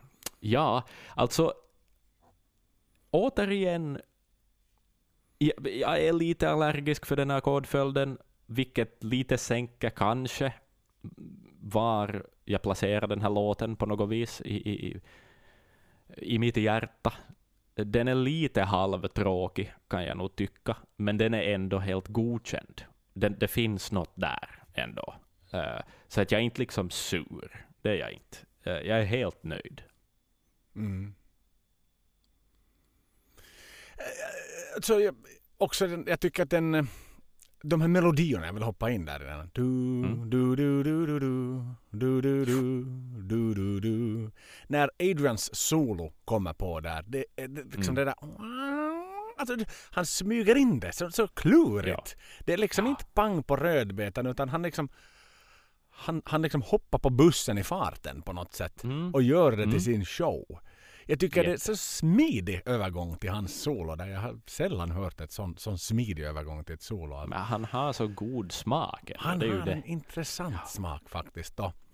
Eh, Titeln i sig liksom, den, den, den är ju väldigt sådär These colors don't fucking run. Liksom. Det, det är attityd i låten och det, jag tror att det är Mm. förenklade för Bruce att sjunga på också. Det, det sättet. Mm. Allsångsdelen på slutet måste jag fråga dig om. Mm. Låter Bruce kanske lite tam där? Behöver vi verkligen ha en Bruce som visar att det här publiken ska sjunga med? Ja, det är sant. Publiken fattade på spelningarna egentligen. Jag kan hålla med om att den är lite Behövs det en onödig. liten I så fall då borde- instruktion där? Ja, i så fall borde de ha kört det fullt ut. Mm. Och banda massa dubbar och alla i bandet med. Du vet.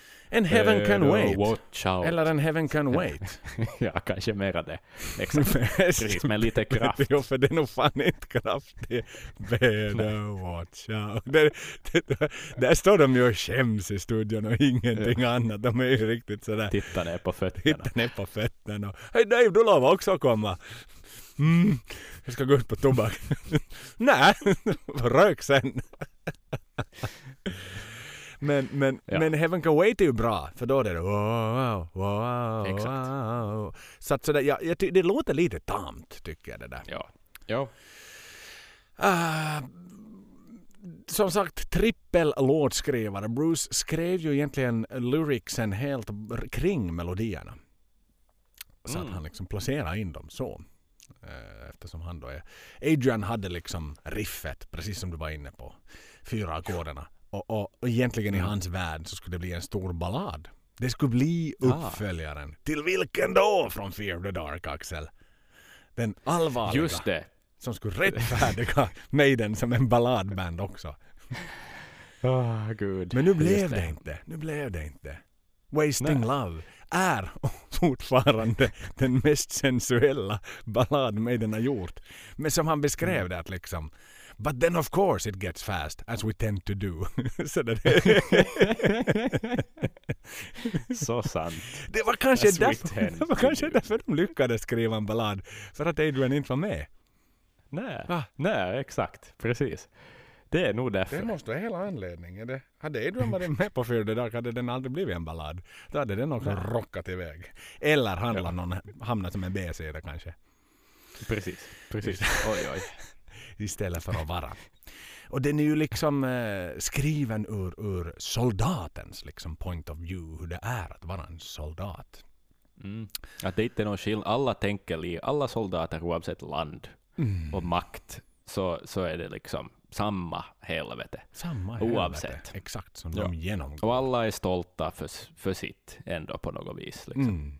exakt, exakt. Att det, de kallar det liksom att de är fredsbevarare men, men egentligen liksom de sätter sig i farans väg och, och liksom Mm. idag finns det så pass mycket mera konflikter än förr i tiden var det Cold War som, som gällde liksom.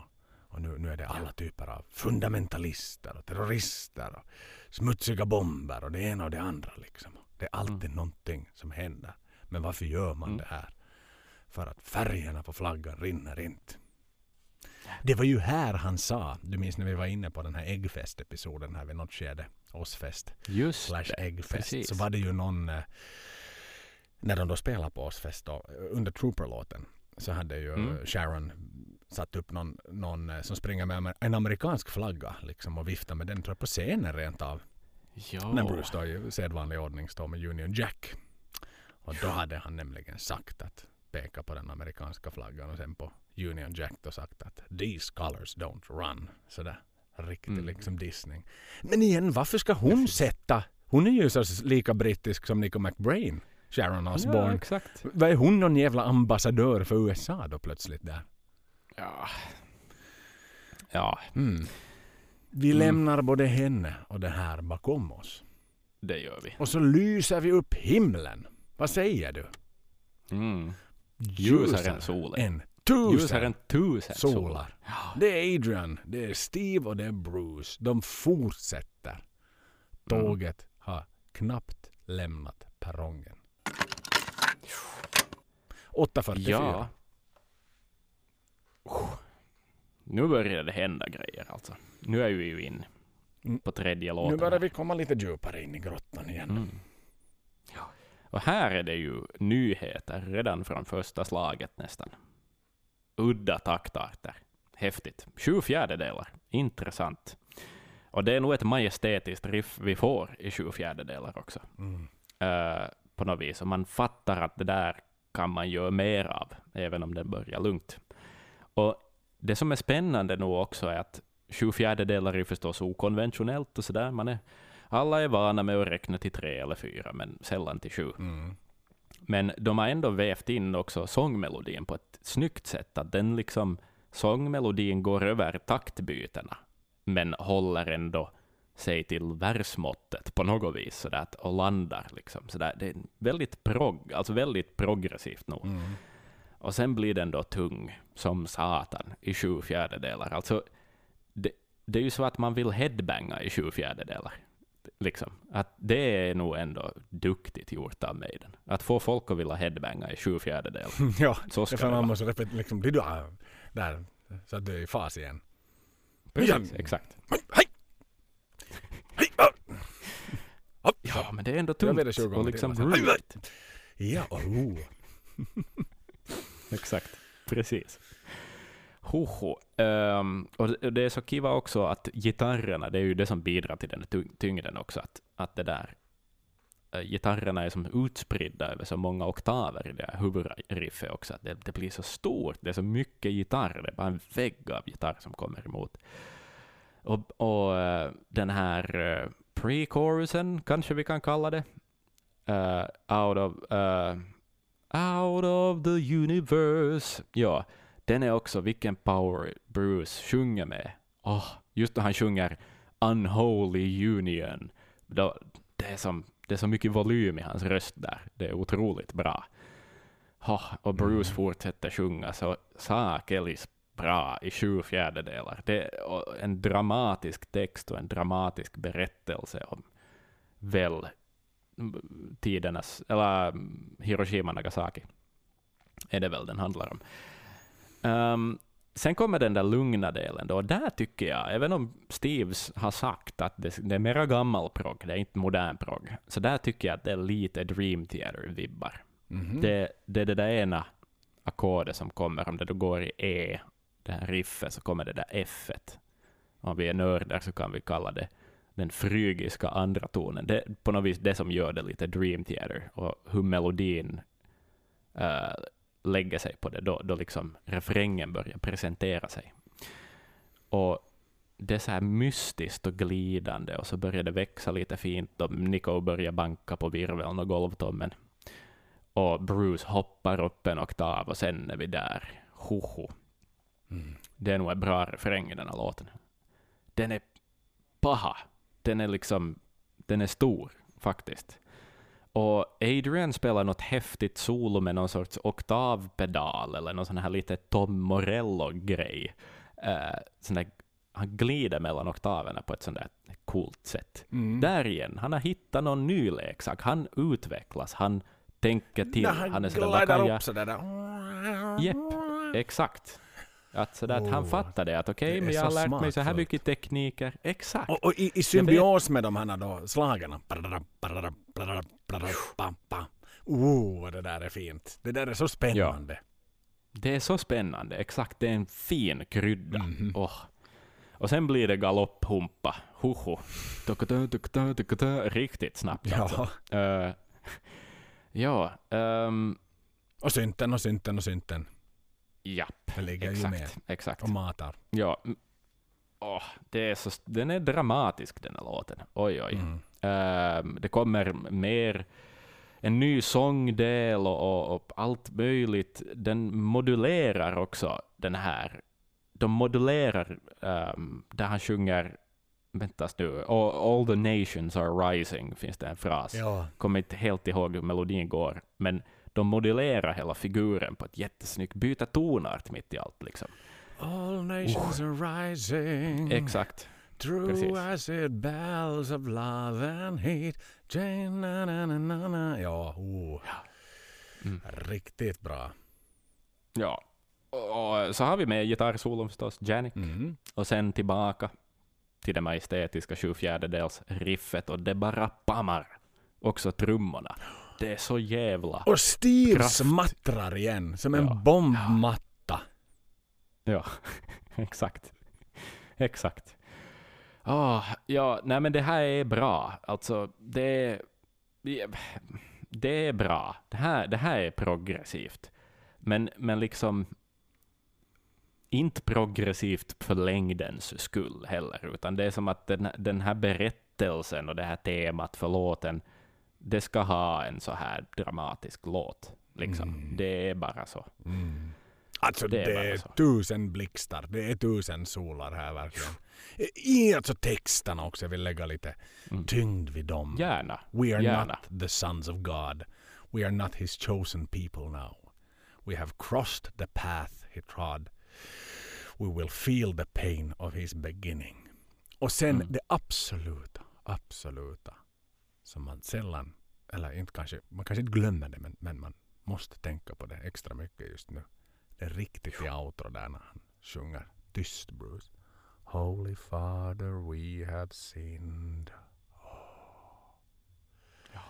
Jävlar. Alltså, ho, ho, ho. Men det, Ja. är inte, det är inte Hiroshima och Nagasaki utan det handlar om Manhattan-projektet. Så det vill säga det som var Ah, innan. just det. Det som byggde upp till Och det. vad kan du Ja. berätta om Manhattan-projektet? Ehm, nå, det var ju Einstein eh, som drogs till USA för att jobba på någonting som han väl egentligen inte riktigt någonsin hade tänkt att skulle bli det där, vad det blev. Robert Oppenheimer var ju liksom den här hefen för hela det här projektet. Precis. Och hela anledningen att man drog igång det snabbt som tusan var ju att då förstås, eh, förutom att då framställa den första atombomben, var ju att man var livrädd för att eh, tyskarna höll på och mixtra Mm. ihop någonting. Man visste ju inte vad de lyckades liksom. Och, och det var ju det sista man ville, att det skulle hamna atomkärnkraft i tyskarnas händer vid den här tiden. Ja. Så det var ju Franklin D. Roosevelt som då plockade ihop en liten All-Star Squad där för att, för att liksom ti- tillverka den här bomben. Och det var ett jätteprojekt. De var 130 000 personer anställda liksom på hey- heydays som höll på Just med det. det här. Och, och det här lär ha kostat liksom två miljarder dollar nästan liksom totalt som har liksom satts ner i det här Shit. projektet. Och man gjorde ju sin första provsprängning den 16 juli 1945. The Gadget Mm. hette bomben som man testsprängde. Så det är en dramatisk händelse. Det här var ju någonting som, som förändrade världen för all framtid. Om du ser idag Ja. vilka länder får ha kärnvapen. Sådär, liksom alla konventioner Japp. och sånt här. Va- Varför får vissa Ja. länder och varför är man livrädd att andra länder ska Mm. ha utan att få Ja, ha? den diplomatin är liksom minst sagt känslig. Extremt Eh, känslig, extremt ja. känslig. Men, men just ja, du har varit inne på det här dramatiska riffet. Alltså, kanske det mest dramatiska riff Maiden någonsin har gett sig i kast med. Mm. Ja, ja. Jag är be- benägen att hålla med. Oerhört dramatiskt. Ja, alltså det, det är en masterpiece. Det är Bruce som har skrivit texten. Mm. Och den är så ofantligt välskriven. Den, den är så oerhört liksom komplex och mörk och Ja. sättet han, han f- för fram den här. Det, här. det här är någonting som Maiden inte har beskådat hittills Nej. i sina dagar. Det här är så nytt och det här är så fräscht för Maiden. Att jobba fram med. Och, och han, han frixar till och kör liksom, blir fysiker där. E equals X is what you can relate. Eller vad han nu sjunger där. Liksom Ja. börjar prata Ja. riktigt vetenskap och, och hela den delen. Och Adrians och, och, och, och då Steves liksom hur de bygger ihop, konstruerar låten. Adrians riff Mm. igen. Alltså bara det där Mm. att det är han som är ma- mastern bakom riffet och sen, sen när, när Steve är med och arrar och plockar och, och Mm. gör den liksom så maidensk så den bara kan bli. Jag tycker Mm. så mycket om att, att för ofta är det ju så här att, att när Adrian får för stort kreativt utrymme så blir det extremt, ehm, eller det kan bli väldigt poppigt. Mm. Det kan bli så här Exakt. two minutes to midnight wasted years. Liksom det kan gå Mm. åt det hållet helt och hållet. Och, och sen när eh, Steve då får göra, konstruera saker helt, helt, helt, helt, helt och hållet. Då kan det i värsta fall Mm. gå hela vägen att bli en Mother Russia. Ja, precis. Men, men den är så ofantligt stilren och viktig den här liksom när de tillsammans vet du, mergar Mm. sina bästa skivor och också kill their darlings lite grann. ja. Och, ja. och, och ett resultat i form av Brighter than a thousand sun föds. Mm. Och Bruce då sitter med pennan och, och pennan ner. Det, det här är liksom sann musikingenjörskonst. Ja, ja. Och att vi bjussas på en låt som är 8.44, bara tre låtar in på skivan, är ju också någonting som är så oerhört spännande kan jag tycka. Mm. Mm. Jag håller med. Ja. Att det här är en ja, för det hintar lite också just det där att det här är en skiva som inte bara har en episk låt. Nej, nej, nej, nej, nej. nej. Liksom att det här är... Här finns det mer. Mm. Mm. Verkligen, verkligen. Ja, det är riktigt jävla spännande. Så det, här, det här är nog ja, bästa låten hittills såklart. Lätt. Ja. Och, Ja. och en, Jo, jo, jo. en riktigt... Jag kan säga det redan nu. Det här är en tung leverans på 2000-talet. Sett till allt som har Ja. getts ut. Det här är absolut ingenting Maiden behöver skämmas över. Och det här är än en gång. Okej, Joel. Du får skriva om Legacy of the Beast-listan för att allt blev försenat med Corona. Jajamän. Mm. Jag hade inte haft några problem att placera in Brighter than a thousand suns på den listan. Inte. Nej. Nej, den jag håller med. mycket en, gärna hört igen. Eh, en sak som jag glömde att säga, men jag vill ha det sagt, är att jag älskar just gitarrifferna i refrängen. Alltså i det här hur det nu går, men att det liksom det är så intrikat invävt tillsammans med en bra refrängmelodi också. Att det liksom det händer så mycket i den där refrängen som gör den så bra. Mm. Att det är liksom både gitarrerna gör sin egen melodi och sen finns det en sångmelodi på och de liksom vävs ihop. Det är så progressivt och det är så bra och så välskrivet. Åh, ja, det är skitbra. Mm. Nej, det är amazingly good. Amazingly Ja. good. Riktigt satans bra alltså. Topppoäng Mm. får vi se vad The Pilgrim har att bjuda på. Det är Jampa och Steve. Jampa gör sin debut på denna skiva. Klockar in på 5.07. Jag vill bara rub it in your face att eh, i det första avsnittet vi någonsin spelade in gavs ut som avsnitt Mm. nummer tre tror jag det var. Ja. Så hade jag en liten quiz åt dig. Just Och du det. bommade på den här Och det var låten. här svarade jag fel. Exakt. Ja. Bara så att du inte glömmer. Jag tror att hade vi gjort den här quizen till, näst, inte- nå, till nästa avsnitt hade nu förutsatt att du hade klarat det. Men sådär. Ja. Om vi hade summerat med den podden med en quiz. Mm. så hade du klarat alla. ja, jag misstänker nog det. Kanske bomma en, bara du minnet, du vet. Mm. Men, Gangland kanske. typ Nej, Gangland. Exakt. Gangland. Jag, jag ska göra den. Men- Jag ska testa det faktiskt till sista. Ska jag testa det om du sätter dem alla. Okej, lo- jag är med på det. Bra. Jag ställer upp. Exakt, och, och då måste bara visa att vi har utvecklats. För det är ju någonstans hela poängen med den här podden. Det skulle vara väldigt pinsamt Om du missar annars. den så kan vi alltid klippa. Bra. det är rättvist. Det är jag med på. Super! Vi traskar vidare med Mm. pilgrimen. Ja. Åh. Sån här, sånt Maiden melodiskapande. Åh, vad underbart det öppnar. Det är catchigt, sån här liksom folkmusik, melodi, riff. Åh, och Nico spelar tight också. Fint, fint, fint. Vers, tempot dubblas. Det är en så bra melodi. Och det är en så bra, bra drive i den här låten. Det här kan inte bli bet, liksom annat än bra, känns det som i den här versen. Och framåt ska vi. Det Mm. liksom, den, den driver bara vidare. Det är sånt studs. Hoho, så bra. Oh, pre-chorus, ändring i trumkomp, det här. Och snyggt med oktaver i sången här också. Här är lite sådär, lite studiotricksande. Vi har haft ganska lite studiotrixande hittills på den här skivan, men det där är en sådär liten enkel klassiker som funkar. Och refrängen kommer. Vitsi, det här är en bra refräng. Jag, alltså, visst har vi talat om hur lyrisk förra låten och fantastisk den var, men det här är den bästa refrängen hittills på skivan. No doubt. De- Den är så bra. Riffena, sångmelodin, då han landar på den där sista tonen av varje fras. Så rent och så perfekt och det är så jävla bra. Och sen kommer ett sån här nomadriff ännu till med, med den där glidiga eh, slide-gitarren och sen modulerar man det lite neråt och så börjar Nico mitt, mitt i allt hacka på en china. Ja, det vill jag så så faktiskt. gör. Det vill jag point, det vill jag fastna vid. Nico slår Ja. aldrig på China. Nej. Han har två gånger använt China på hela Maiden-karriären.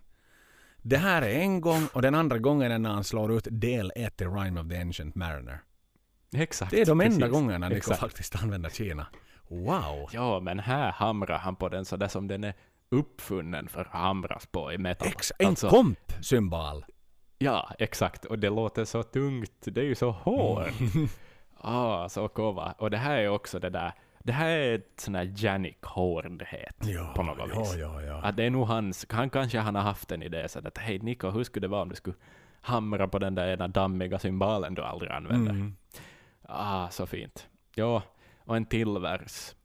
Ah, och det fortsätter, jag liksom, man fortsätter vara glad fast den fantastiska refrängen just tog slut. För att också verserna är så jävla bra. Det här börjar liksom långsamt ut, inte långsamt, snabbt förstås, utvecklas till en favoritlåt hittills, helt klart. Mm. Och också i refrängerna, ja, det jag gillar, just att Steve ligger och hamrar där uppe på halsen. Han bara liksom hamrar en ganska hög ton, grundtonen på något vis. Det blir som så, den växer så otroligt bra den här låten då han gör det, för det där är en sån där, hur kan basister bygga dynamik? Man kan spela mycket, ja, men man kan också gå glida upp på halsen och bara hamra på en ton. Mm. Det räcker riktigt bra, skitbra. Ah. Och solo, jag tror att det är Janiks solo i och med att han ändå står som medskribent av gitarristerna. Eh, skitbra solo.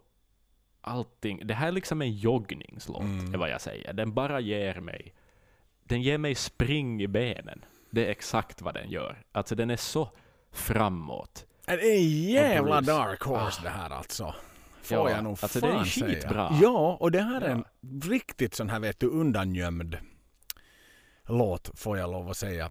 Om jag kommer, men Mm. nu när man lyssnar på den igen, alltså varför har man överhuvudtaget undvikit det? Ju fucking amazingly liksom Ja, det borde ha varit en singel. Det skulle kunna vara en full singel. fart i det här alltså. Ja. Och det är det som är så kul. Det är det som är så... Alltså det här är ju egentligen Montegur, om vi tänker Mm. Dance of Death.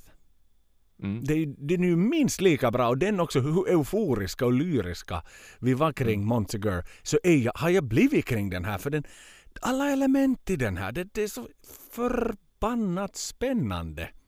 Liksom, Mm. och, den, och hur den liksom lurar en i början med Exakt. liksom riktigt glättigt och glad. Stonehenge, Ja, faktiskt, melodi. faktiskt. Mm. För att sedan då gå in i hela det här liksom Mellanöstern delen och liksom precis så satans rapp som Bruce är här. Mm. Och, och så igen sjunger med ilska och sjunger liksom med attityd. Ja. Och, och refrängen, speciellt som du är inne på. Åh, vilken kraft det är. Wow, wow, wow. Raise me up, take me home. Pilgrim sunrise, pagan sunset. Mm. Oj, oj, och just hur den då gifter sig ut i det där China-kompet liksom och, Mm. och, och sådär. Nej, vi går inte till något lättare och gladare utan nu går vi till något tyngre. Wow, wow, wow, wow, wow. Alltså att de har kokat ner på 507, det är en, en riktigt häftig upplevelse. Mm. Temantiken handlar om att gå, åka till Amerika med Mayflower-båten. Liksom. Eh, The viben man vill komma till. Och, det här är egentligen eh, resultatet av två helt olika sånger eh, som, som Mm. Jampa presenterade för Steve. Och sen så, så liksom plocka igen. The man, the man, the man. Plocka ut de bästa delarna och säga hej Jannik, vet du vad, gör så här, gör så här, gör så här, sätt den där, sätt den där. Står att vi har någonting riktigt bra på gång här. Och så gör man det och så blev det bra. Japp. Ooh la la. Exakt. Ah, vad de är duktiga. Oj vad de är duktiga låtskrivare. Ja. Herregud vad Maiden de har blivit bra här alltså. Alla sådana här vet du, cry fucking babies vet du. På alla forum. No, I didn't like anything after X Factor. Mm, ni kan inte lyssna. Vad är det för snack? Nej. Varför ska ni ens vara Maiden-fans som är i olika... Det är fördomar. Det är fördomar. Det är bara fördomar. Och varför ska de ens sitta med i några sådana trådar och grupper på Facebook då? Om de, om de har slutat Ja, gilla exakt. Maiden för 25 år sedan. Tack och hej. Hej då. Nästa patient. Ni behöver inte mera vara med. Gå och lyssna på något annat då. Sabaton. Exempelvis. Eller Ghost-orkestern. Musikbandorkestern Ghost kan de lyssna Exakt. på. Nej, det här, alltså, det, det här är så bra. Det här är så förbannat bra. Och än en gång, alltså en dark horse. Jag hade tänkt att okej, nu kommer vi till första albumfillern. Den är först liksom, när vi Mm. då visste att vi skulle göra Amolad. Och, och, och man tittar igenom Mm. låtlistan och då säger ah, ja, ja, där är den där lite roliga, verkligen deep cut-låten som man kanske skulle faktiskt liksom vifta bort lite snabbt. Men nej tusan, absolut inte. Ett Nej. mycket starkt och mycket viktigt bidrag någonstans. För att eh, nästa låt, The Longest Day av Adrian, Steve och Bruce, är inget lättsamt och kort och snabbt och glättigt bidrag, utan nu är vi inne på riktigt, riktigt djupa vatten. 748. Mm. Okej. eh, ja, det är dramatisk Och är tillbaks igen. inledning. Exakt, exakt. Det är en dramatisk inledning också i den här låten. Ehm, det, det, liksom, det är tyngd och det är allvar.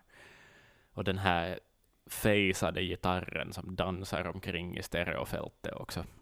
Snyggt på något vis. Och Bruce berättar om krig åt oss. Och han gör det så färgstarkt. Åh. Vi är nog där i Normandie på någon plåtbåt och snart öppnas luckan. Bastrumma på två och fyra kommer Nico in med. Nice, effektivt sätt att få den att växa lite grann. Och sen blir det lite mer trummor. Det här är också en, på något vis, Nico spelar mera proggetrummor på den här skivan. Han, han har hittat på nya sätt att kompa på och så vidare. Det, här fortsätter det växa riktigt, riktigt bra också. Och det kommer en pre-chorus. Det är de här samma fyra ackorderna som kommer in igen. Men det är helt okej vid det här laget. Det är okej då Maiden gör det. Det är fint. Jag tycker det är en fin refräng. Ja, som kommer. Och det jag gillar med, ursäkta pre-chorusen var det vi var på. Refrängen, jag gillar att det, det här är en tempoändringarnas skiva. Mm. Det görs mycket tempoändringar, men Maiden är så otroligt bra på att göra dem. Det, det sker liksom så sömlöst och switcha från ett tempo till ett annat. Göra refrängen tung.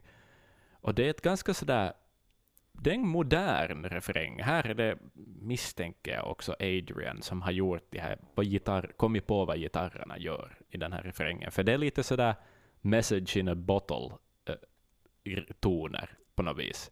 Uh, mycket nior i, sådär, i ackorden, så att säga. Det är, en det är en tung refräng, en snygg refräng, stor refräng och jag gillar Nikos de här snabba bastrumsblastsen han ibland gör, då, då vissa kommer att tro att det är dubbla baspedal han har. Men nej, det är hans ensamma fot som gör jobbet. Ja, och vers två, den har vuxit lite, det är lite mer komp, liksom effektivt, smakfullt. De vet fan hur man arrangerar en låt. Hoho. Och där är det ju Steve på något vis. Att han är sådär, ah, what can we do with the second verse? Och så hittar han på någonting. Något litet för att lägga till någonting lite mera. Oh, och Bruce är arg. Jag gillar det där, den meningen. Blood and sand, we will prevail, som han nästan liksom growlar på Ja, ett sätt. nästan. Att det är liksom så jävla fan. Ja. Oh. Väldigt olikt Bruce också. Mm. Ja, otroligt. O, o, o, ja, exakt. Att det är lite det gamla arga Bruce, men nu är det liksom inte arg för ilskans skull, utan nu är det för att den här storyn förtjänar det på något vis. Mm. Det, det förtjänar lite att det ska ta lite pipi i Bruces hals vid ett ställe. För att det här, det här är... Det var en hemsk dag Mm. För dessa människor.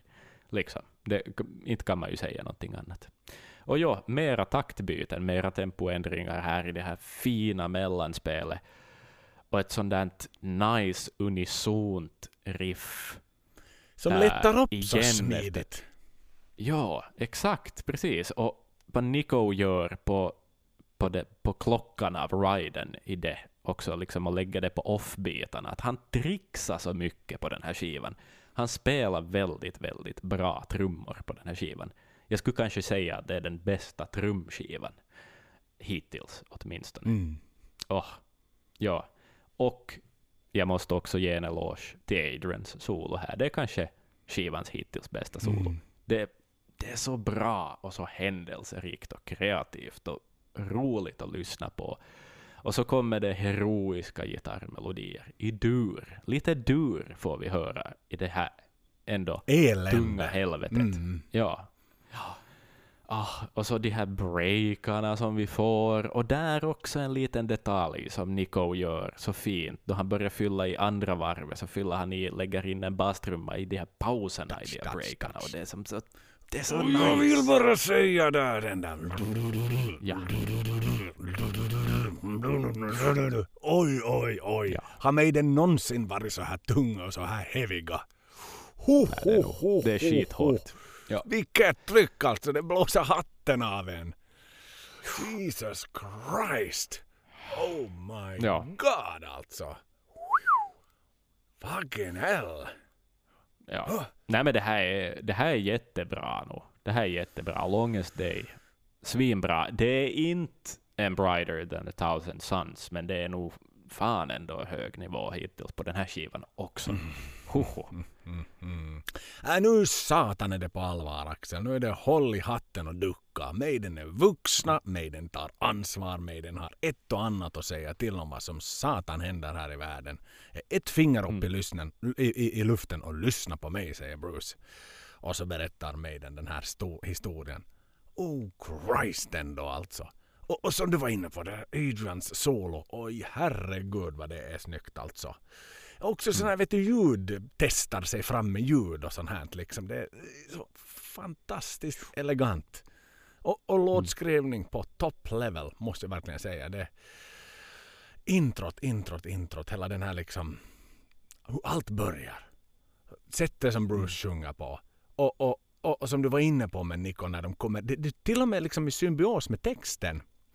När han sjunger om det, the world's alight, the cliffs erupt in flame. Då kommer det bum, bum, bum, bum. Ja. Då kommer de Ja. där klipporna ner i form av Nikos pukor som liksom bara ramlar ner. Det, det, är så genomtänkt här, saker Ja. och ting. Och när har Niko någonsin gjort någonting som har med orden i låten att göra? Det har han aldrig någonsin gjort. Det är nu han Nej. liksom, det blir nästan som en radioteater. Mm. Så pass bra och Ja. väl liksom regisserat är ju det här.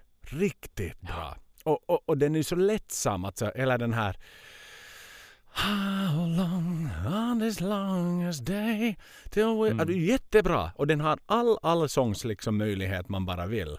om man vill ha publiken att sjunga med där. Den är enkel och fin och sen då tillbaks igen den.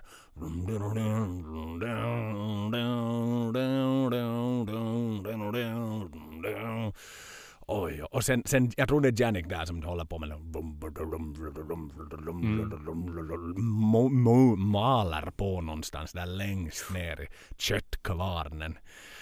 Ja. Oh my god vad den här är, är oh, mörk och vad den här är hemsk och vad den här målar upp det här helvetet på ett så fantastiskt bra sätt. Och i symbios med texten, en annan sak som jag älskar som är mer eller mindre, det är i samma stycke som We will prevail. Valhalla waits, Valkyries rise and fall. Mm. Alltså wow.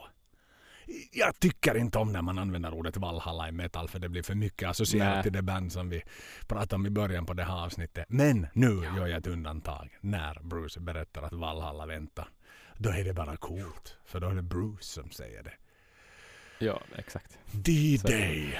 Oj, oj, oj. Jag vet inte hur man annars skulle kunna beskriva den långa dagen. Dagen D. Som också, Mm. igen, var en stor del till att världen inte är så fucked idag. Utan att den faktiskt är ganska bra. För att dessa små, dessa små hjältemod och dessa stora planerade dagar hade en sån, sån massiv inverkan, tror jag, på hur vi lever våra, våra liv idag. Äh, det är en jättespännande och välregisserad låt. Alltså den... Ja, jag vet inte vad jag ska säga att liksom resultatet hittills, wow, man är ju euforisk. Jag håller, jag håller nog med. Jag håller nog med. Det är mörkt, det är tungt, det är skitigt och det är så bra. Och det är krävande. Jag fattar kanske att, vad ska vi säga, lättsamma Maiden-fans hittills, äh, de hänger inte riktigt med på det här tåget. För det kränger åt höger och det kränger lite snabbt åt vänster. Så man måste lite hålla i sig. Det här är nog den mest krävande skivan att lyssna på. Skulle jag nästan säga Mm. hittills av alla vi har pratat Ja, om. ja, jag håller helt med. Att den har, att den, den har väldigt lite lätthet och väldigt mycket liksom. Den, den, den, den kräver mycket av lyssnaren. Ja. Men wow alltså. What the fuck, sätt på den hörni nu. Sätt en paus bara och lyssna på, på dramatiken i den här alltså. Ho, ho, ho, ho. Det blåser skräpporna av en den här låten alltså. Mm. Herregud. Mm. Så, så människorna dog som nyror där på stranden när tyskarna låg och peppra och mata. Mata kulspruteeld på, på de här stackars landstigningsmänniskorna. Men oh, ho, ho, ja, ja. Ho, ho, ja, ja. War is fucking hell. Visst är det så. Så då är det väl lite dags för att stiga ur de här skuggorna Axel. Mm. Som vi Mm. ändå har från stränderna i Normandie. Out of the shadows. Det är Bruce och det är Steve. Adrian fick ta en liten paus. 5.36. Mm. Så det, det är någonting kortare på gång här. Mm. Visst. Det är... Okej, det jag gillar med hur den här låten börjar, även om det, det är lite ljusare, det är lite lättare att höra på.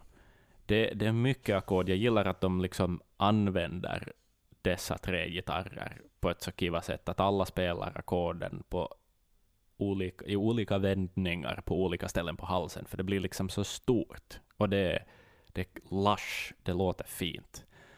Och de här bluesiga lickorna Mm. som... Vem är det som gör dem? Är det, är det Adrian? Men vi vet också att Dave tycker om sina bluesiga lick då han får slänga in dem. Men det är snyggt. Och det är lite sådär, det här är en lite grungy låt på något vis. Mm. Här är det på något vis, ja, lite som... Eller ja, lite, lite, Bruce på 90-talet. exakt lite Bruce. Solo. Ja, det är åt det Mm. hållet. Och som jag har skrivit ner här är att tydligen låter Bruce lite som Roger Pontare då han sjunger på ett sånt där sluddrigt grunge-sätt. För det finns en ton av, jag vet inte varför, men jag var sådär, nej det där är Roger Pontare. Men, men ja, vi vill gå vidare. Men det här är ju också, det slår mig nu, att det här är ju lite en revelations Mm. på något vis. Att den är, det är en sån här vacker, balladig, stor låt, men, men en liksom en bra, klar refräng, en regelrätt ballad. Sådär. En hederlig ackordföljd i, i, i refrängen också. Men melodin är, är, ändå, fast den är konventionell och sådär, så det är, en, det är en bra melodi och den är värd att minnas. En väldigt välskriven låt. Mm. Och det där, jag gillar här också Nico, när har vi någonsin hört Nico spela ett triolfill? Vet du? I en fyrtaktslåt, så att säga. Det är också, det är sällan man hör Nico spela. Spelar han med rispinnar? det är nog i Hallowed, Hallowed Be Thy Name, Spe- men där är det ju mer med- en shuffle är, det- är det upp och nervända rispinnar han spelar med här? Det kan nog vara. Det kan det. faktiskt vara. Det kan riktigt bra vara det. Mm. Ja, den har, den har samma trumsound som eh, Journeyman. alltså Journey. Mm. Ja, det stämmer. Du har helt rätt. Du har helt rätt i det där. Det var en bra, jag har inte tänkt på det där. Ja, ehm, och sen, Observera att det är Det- upp och nervända rispinnar. ja, det är inte så specifikt sound. Jo, jo, vi vet, vi vet alla hur det det, låter. här, det här låter som upp och nervända rispinnar. För man har alltid det suttit i musiksalen när man inte fick ha riktiga pinnar. För den skulle låta så högt. Nej. Så vände man ju själv upp och ner Mm. för att få lite mera. Punch. Förstås. Förstås. Lite mer punch och lite bättre Mm. studs. Ja, det är ju det man vill ha. Nico har fattat hur man håller i rispinnarna. liksom. Det är ju så. Det är ju så det är. Han spelar dem rätt väg. Ehm, och eh, i den här låten också, jag har sagt att det är en bra trumskiva. Han spelar ju några av sin karriärs längsta trumfill i den här låten också. Att det går liksom ut över tre, fyra takter. Mm. Sådär. Bakututum, raputupum, pum, bak, bakutup. Det är liksom, vet du, nästan trumsolo-längd. Mm. Ja, ja, ja. Ja, men det är Han bra. tar ut svängarna bra här. Det är lite, lite avslappnat. Det, behöver, det är inte så dramatiskt som i, i, i låten innan. Och han Nej. vet att det är den här han får lite latcha i. Här får han Mm. jamma. Exakt, precis. På ett bra För det är lite, Han det är lite singer-songwriter. Och då, han sitter på en pub Ja. och kompar. Och då är han lite uttråkad. Så Mm. får han liksom svänga till det lite helt enkelt. Precis. Med sina upp och nervända rispinnar. Ja. Japp. Mm. Men det är ju nog en, her- det är en heroisk Mm. låt på något vis. Och den är, det är en hyllning till livet på något sätt. Och, och, och sådär. Ja, ganska kiva solon också. Jag tror, misstänker det är Janik kanske som har solo på den här låten om mina öron säger mig rätt. Och, och det, de här breakarna, och det är också lite 90-tal, då det är liksom ehm, de har lagrat då någon sorts lite burkigt distig elgitarr med akustisk gitarr. Och det, det ger en sån där 90-tals... Jag vet, det, det, jag tänker 90-tal. Ja men det är faktiskt lite Att- sant. Det är lite 90-tal. Ja. Det är lite Nathalie Ja. Imbruglia sådär. Thorn. Ja, ja, exakt. Precis. Ja. Och en annan 90-talsgrej som också gör den 90-tal är, är liksom återigen i Nikos jammande. Han drillar ganska mycket sådär på hi-haten, du Mm. vet. Då man lägger till sådana små bursts av lite snabba studsar. Sådär för att trixa till det lite. Och det är lite 90-tal. Liksom, det, det, är en, det är en bra låt, men hör den till den här skivan riktigt? Alltså visst, det är som en kontrast till allt det tunga, absolut. Men, men det är lite mera Bruce sololåt än vad det är med i den på något sätt. Jag har som ingenting emot låten i sig, men jag funderar om den hör hemma på den här skivan. Sådär. Mm. Mm. Nej, men en, en vuxenlåt. En, en fin gammal raggmatta. Det är en sån där raggmatta Mm. som man hittar på loppis om man är lite misstänksam mot först. Men sen så köper man den ändå för att priset är rätt. Sen Mm. rullar man ut den på farstugolvet och så värmer den både fötterna och ser ganska inbjudande ut. En, en god affär med andra ord till slut. Måste jag ändå säga. Och så det är fint akustiskt. Hold a halo round the world. Golden is the day. Alltså så en motiveringslåt nästan. Liksom sådär Mm. sympatisk. Alltså om Maiden någonsin skulle få uppträda på en halvreligiös skola i norra Österbotten så den här skulle vara helt okej enligt rektorn att de uppträder med om han får lyssna på den på förhand. För det är lättare för Maiden att spela i Kina än vad det är för Maiden att spela på en skola i Österbotten. Det är liksom hårdare Mm. kontrollfunktioner där, att det är någonting som är lite fuffens i budskapet. Men här är det fint. A king, a gypsy child at daybreak, a king for a day. Det är väldigt fint. Out of the shadows and into the sun. On an island and into the sun. Dreams of the past as the old ways are done. Oh, there is beauty and surely there is pain, but we must endure it to live again. Äh, Jättefin text, jättefin låt. Ja, det är en fin text. Ja, och en fin låt. Jag håller med. Journeyman, Prodigal Son, Bruce Solo. Den hade nästan passat in på Seventh Son. Som någon typ Mm. av eh, liksom eh, elegant, eleganting där. Men, men jo, jag håller med. Alltså, jag har inget negativt att säga om låten i sig. Men passar den in här bland helvetesportarna och an missilanfallet och allting. Nå, kanske det är ju just det som behövs. Kanske det är ju just den Mm. där blomman. Som, som man ser i alla krigsfilmer. Det är en, vad heter Ja. den blomman? Som man hä- hämtar där uppe i fjällarna i... i eh, en ed, kanske det är den där edelweisen. Eller den där vackra damen som ler åt soldaten efter att han har gått i skog och bara sett liksom män och död. Så, så är det Mm. du, en civil person, en, en söt ung tjej som ger soldaten Ja. ett värmande leende. Som han lever på Exakt. så hemskt länge. Och liksom tar Eller med den där sig. pojken i Band of Brothers som får smaka choklad första Nej men gången. exakt, kanske det är ju just det vad den här låten är för oss. Att få vara kung Mm. för en dag. För kanske det är det som soldaten sist och slutligen behöver. Känna att det inte bara är det här totala mörkret, uppgivenheten, att skiten aldrig tar slut.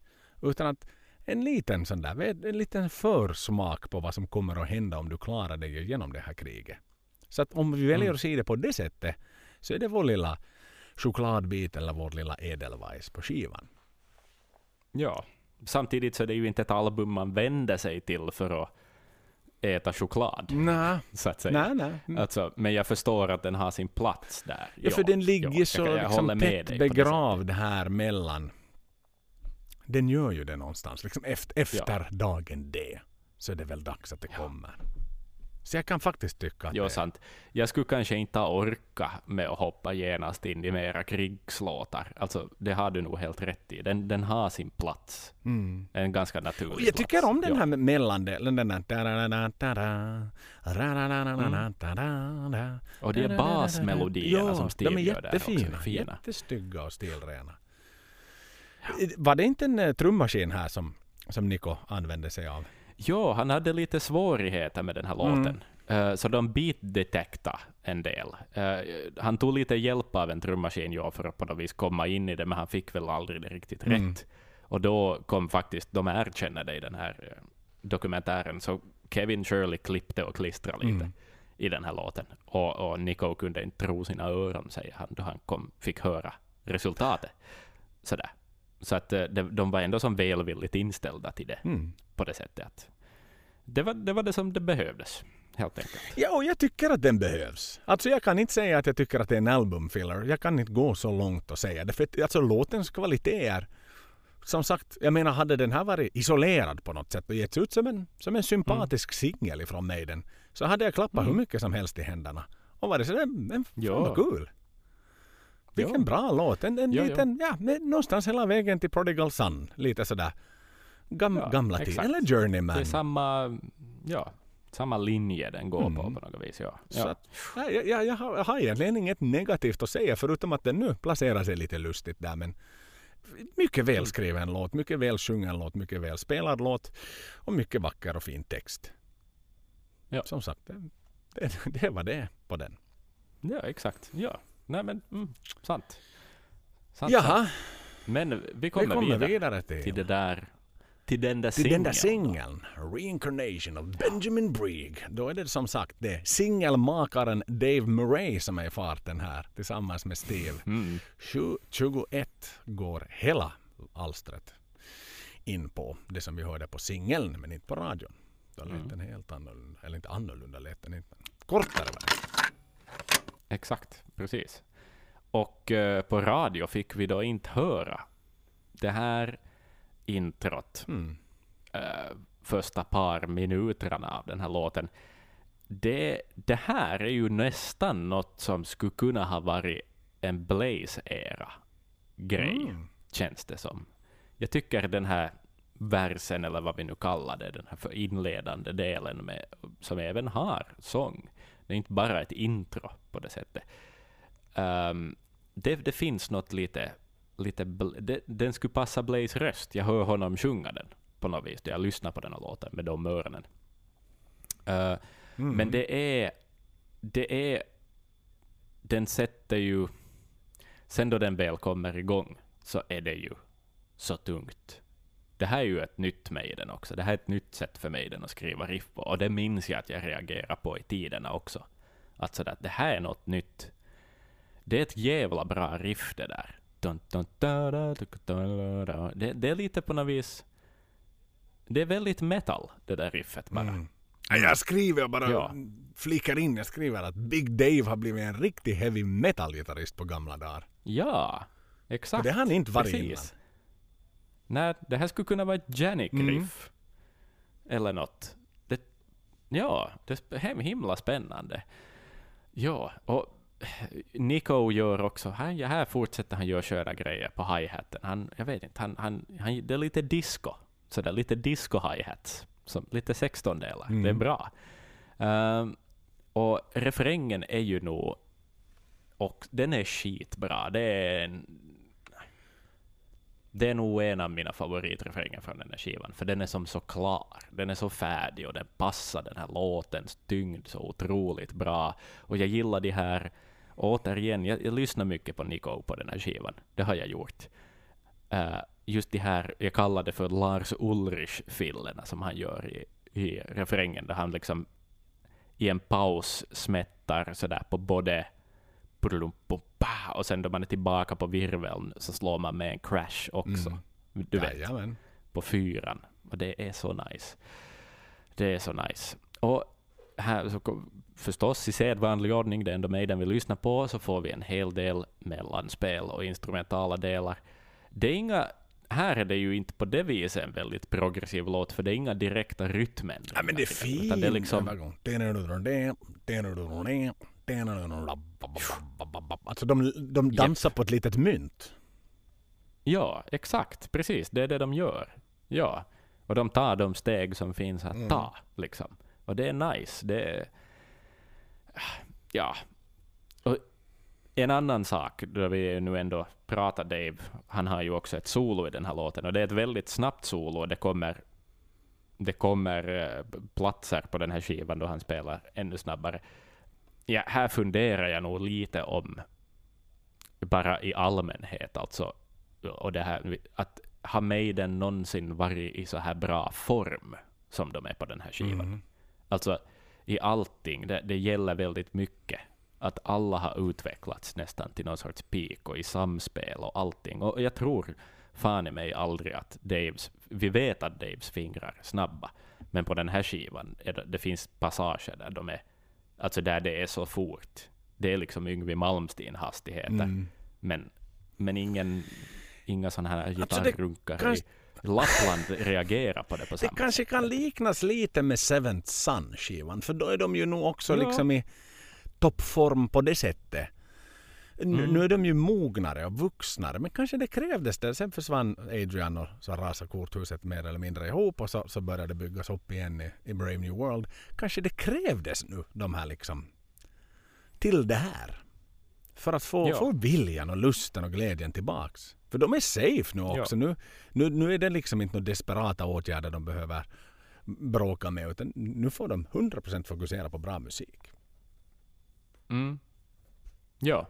En tanke. Så är det. Så är det helt klart. Ja, det är en bra tanke. Jag har själv funderat på också varför den sålde så bra. Vad är liksom fanbeteendet och så vidare. Att, att varför det... Brave New World var ju förstås den stora comebacken och sen kommer Dance of Death. Men det här är ändå ganska många år efter det. Men att liksom... Ja, och man kan kanske argumentera att Dance of Death inte var ändå en lika stark skiva som till exempel Brave New World. Att, att ändå den där nyfikenheten finns kvar. Att, att nej, men vi vill nog höra vad Maiden har gjort till Mm. näst. Ändå. Liksom. Det, det är mycket, den faller spännande i tiden, den här, det här albumet faktiskt. Men vad skulle jag säga om den här låten? Alltså, den är inte det en av mina favoriter från den här skivan, men den är absolut bra. Och den har en fruktansvärt bra refräng och en otroligt bra tyngd. Liksom. Men, men det är nog in, det är inte en favorit från den här skivan. Det är det inte, men den är eh, liksom ribban är ändå hög Mm. på den här plattan och den är nog över ribban liksom, absolut. Men, men det är inte, Ja, Men än en gång om man vill komma Det- det- tillbaks god till det här. kvalitet. Alltså en väldigt representativ singel. eh, för, Mm. för att visa ändå vad eh, skivan innehåller. Jag menar den är ganska tung.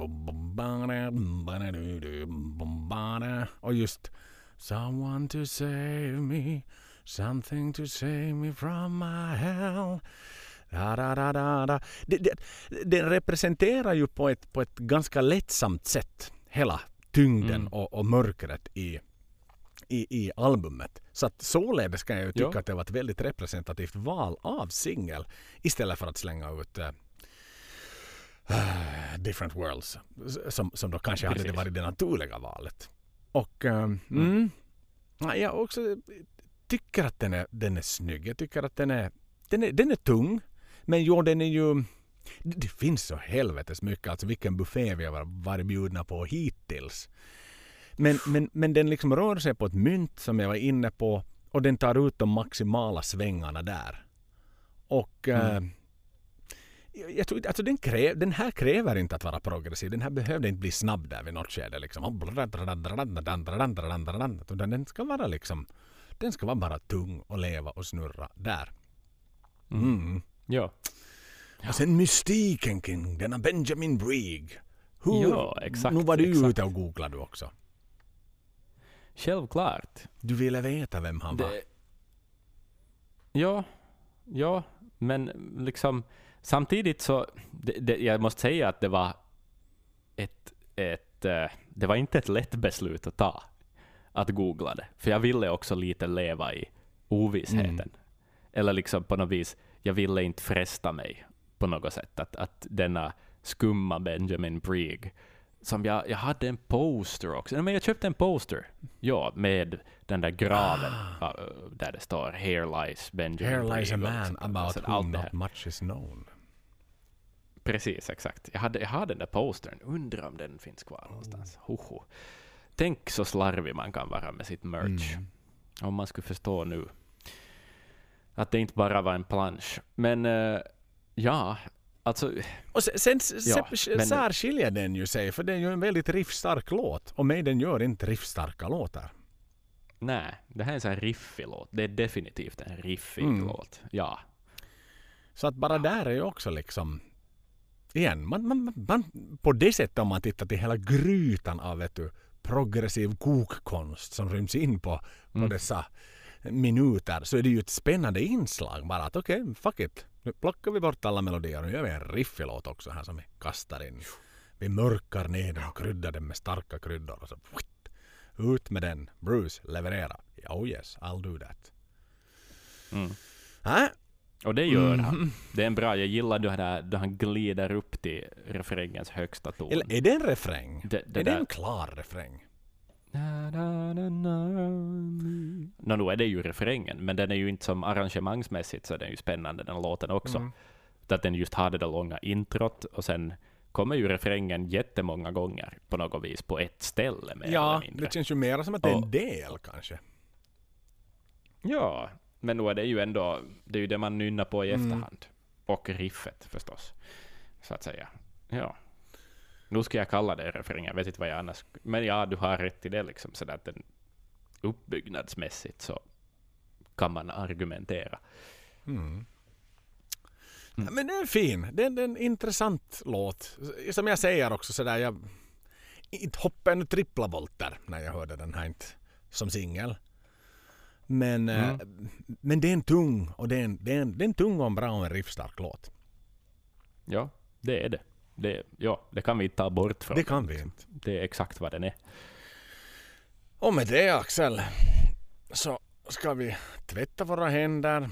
Vi ska ta av oss hatten. Vi ska stiga över tröskeln. Vi ska blåsa dammet från våra psalmböcker. Mhm. Och tänka på For the greater good of God. Steve 9.23.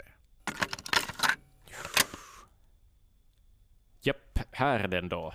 Här är Igen. den då igen. den episka låten. Liksom.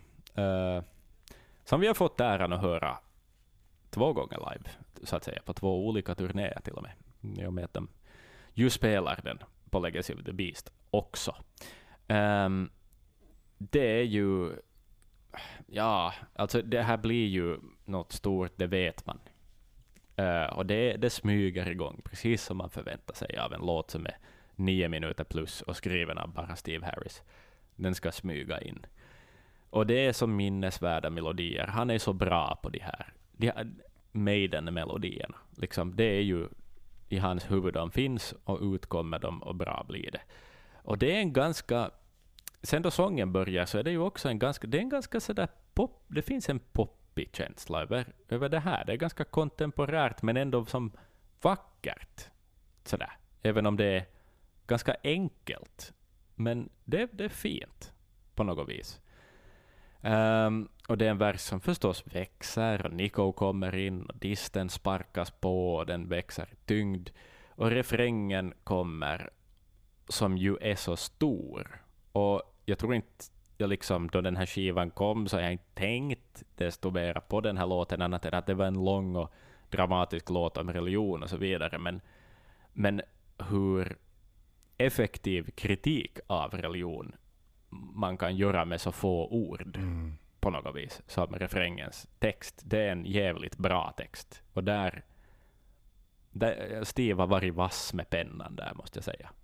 Uh, du hade, jag minns i, i Las Vegas, så pratade vi om den här låten en del, och du hade någon jättebra analys av på något vis vad den betyder. Mm. Så jag, jag, vill, jag hoppas att du berättar den åt oss nu. Jaha, nu satte mig on the spot. Ja, men du får tänka lite. Vi kan klippa lite. Nej, men alltså vad jag tycker är så spännande i den här om vi går in på just det då. Jag minns att jag, jag var så, alltså jag var så besatt, jag, jag, minns att jag använde det för att reta mamma och sådär också någonstans liksom. Eller folk som var religiösa. Mm. För den är, den är väldigt effektiva frågeställningen då i, i pre-chorusen, chorusen, vad man nu kallar den här, just den här delen. Mm. Please tell me now what life is. Please tell me now what love is. Well, tell me now what war is. Again, tell me what life is. Alltså man bryter ner den här diskussionen. Okej okay, Axel, förklara åt mm. mig vad livet är. Ja, nu, nu betyder det ungefär det här och det här och det här. Och det här. Axel, kan du förklara åt mm. mig vad kärlek är? Mm, no, det är ungefär den känslan när det bubblar upp och man älskar någon jättemycket och bla bla bla bla. bla. Okej, okay, mm. berätta åt mig vad krig är. Och då säger mm, ja okej. Okay. Och sen, okej, okay, men berätta vad livet handlar om igen. Då är det så varför i satan håller man på med det här kriget när allt ska handla ja, om exakt. liv och kärlek? Varför? Ja, ja. Hur kan då den kristnas liv vara högre värderat än den andra eftersom den här då extremt mycket handlar om just eh, religiös krig, alltså krig, religion och krig. Religiösa krig, ja. Och, och jag tycker det är så o, o, alltså det, det, de, den frågeställningen är så genialiskt ställd. Mm. Det, det, är ingen som kan ifrågasätta ja. den. Inte den mest liksom troende pastorn där uppe i Österbotten som låter Maiden komma in och spela Out of the Shadows. Så inte ens han liksom under en debatt skulle kunna sitta och... Nej, man kan inte ifrågasätta det. Nej, man Nej. kan verkligen inte göra det. Man kan verkligen inte göra det. Och, och, och liksom... Wow! Alltså, jag minns bara att den där... Och, och sättet liksom som man tar ett sånt, sånt clear statement här. Att man Mm. Att, att en frågeställning är en del av sången. Det är också ja. någonting ja. som är så nytt och så kaxigt. Och som, alltså det är sån mm. attityd i det. Och, och sättet ja. Bruce levererade på. Oj, herre min tid. Fort, om du vill fortsätta ja. din låtanalys så gör det gärna. Absolut, absolut. det var fint. Tack för det. Mm. Tack Joel. Ja, men det, som du säger, att också, du nämnde det själv, att det här är pre-chorusen, chorusen, vad det nu än är. Jag ser det här som en låt med två refränger mm. nästan, för att de är båda så starka. Vi har den här som är sådär textmässigt så pass stark, och sen har vi den andra refrängen som är den där allsångsrefrängen, som är den där clansmaniga på något mm. vis, refrängen, som ju är så bra. For the greater good of God, och sen de här liksom de här heroiska Maiden-gitarrmelodierna över det. Det, det. det finns något clansmanskt över det och det är så otroligt bra. Och just en sån där stiv detalj som jag tycker så mycket om, som också finns i Clansman, och det är just det där att man har gjort den här refrängmelodin några gånger, men då man slu, avslutar refrängen så landar liksom ackord, man, man går inte till grundackordet utan man går som till vad det nu är, femte steg eller något sånt där, att man liksom slutar det på, på ett annat ackord, på dominanten Mm. talar vi om i musikanalysspråket. Sådär som i Freedom och sen sista Freedom så känns det lite större, lite fräschare och det gör Steve där och han lägger det där, han fattar det att sluta på det där, på det där bättre ackordet på något Ja. vis. Och det är så jävla bra och det är ja, majestätiska melodier och en riktig Janik-melodi får vi in här någonstans. Och vi får solon och rytmändringar och en bra tyngd över allt det här och ännu mer tyngd och ännu mer progg och vi får en Adrians solo över låtens, då låten är som tyngst så får Adrian spela solo och det är så jävla nice. Åh, också. Det, här, det är så mycket musik man får i den här skivan. Det är helt otroligt. Det är, det är nog ett, ett äventyr. Det är vad det är.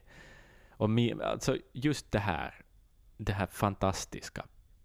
Jag, jag vet inte vet, vad jag ska fästa mig vid, för det händer så mycket och det är så otroligt bra. Och ja, inte vet jag, så knyter man ihop säcken, så där som Steve alltid gör. Man går tillbaka till introt och så slutar man låten och stänger boken. Liksom. Och det, det är bara allt jag vill ha ur en episk Maiden-låt i For the Greater Good of God. Men med det här att det inte bara handlar om någon gubbe ur historien och vad han gjorde under sitt liv, utan det här är liksom mer filosofiskt och ifrågasättande. Och, och ja, det, det, är som, det är större än bara en episk låt på något vis Mm. också. Att det, det är just det här vuxna och allvarliga. Nej, det, här är, det är nog en, den har absolut sin plats också på, på, på scener fortfarande, den här låten. Och det, det är jag glad för. Väldigt glad för. Mm. Jag vet Axel att jag har sagt att Nomaden är Maidens bästa låt genom tiderna. Jag kommer absolut att hålla mig fast vid det. Men med det sagt så finns det några som kommer så satans nära. Så nära att det nästan blir en kollision med Nomaden. Och Mm. det här är ju en av de låtarna. Mm. Fan ändå vad jag måste se nu Legacy of the Beast igen. Alltså jag måste få uppskatta den här än en gång. Alltså wow, wow, wow.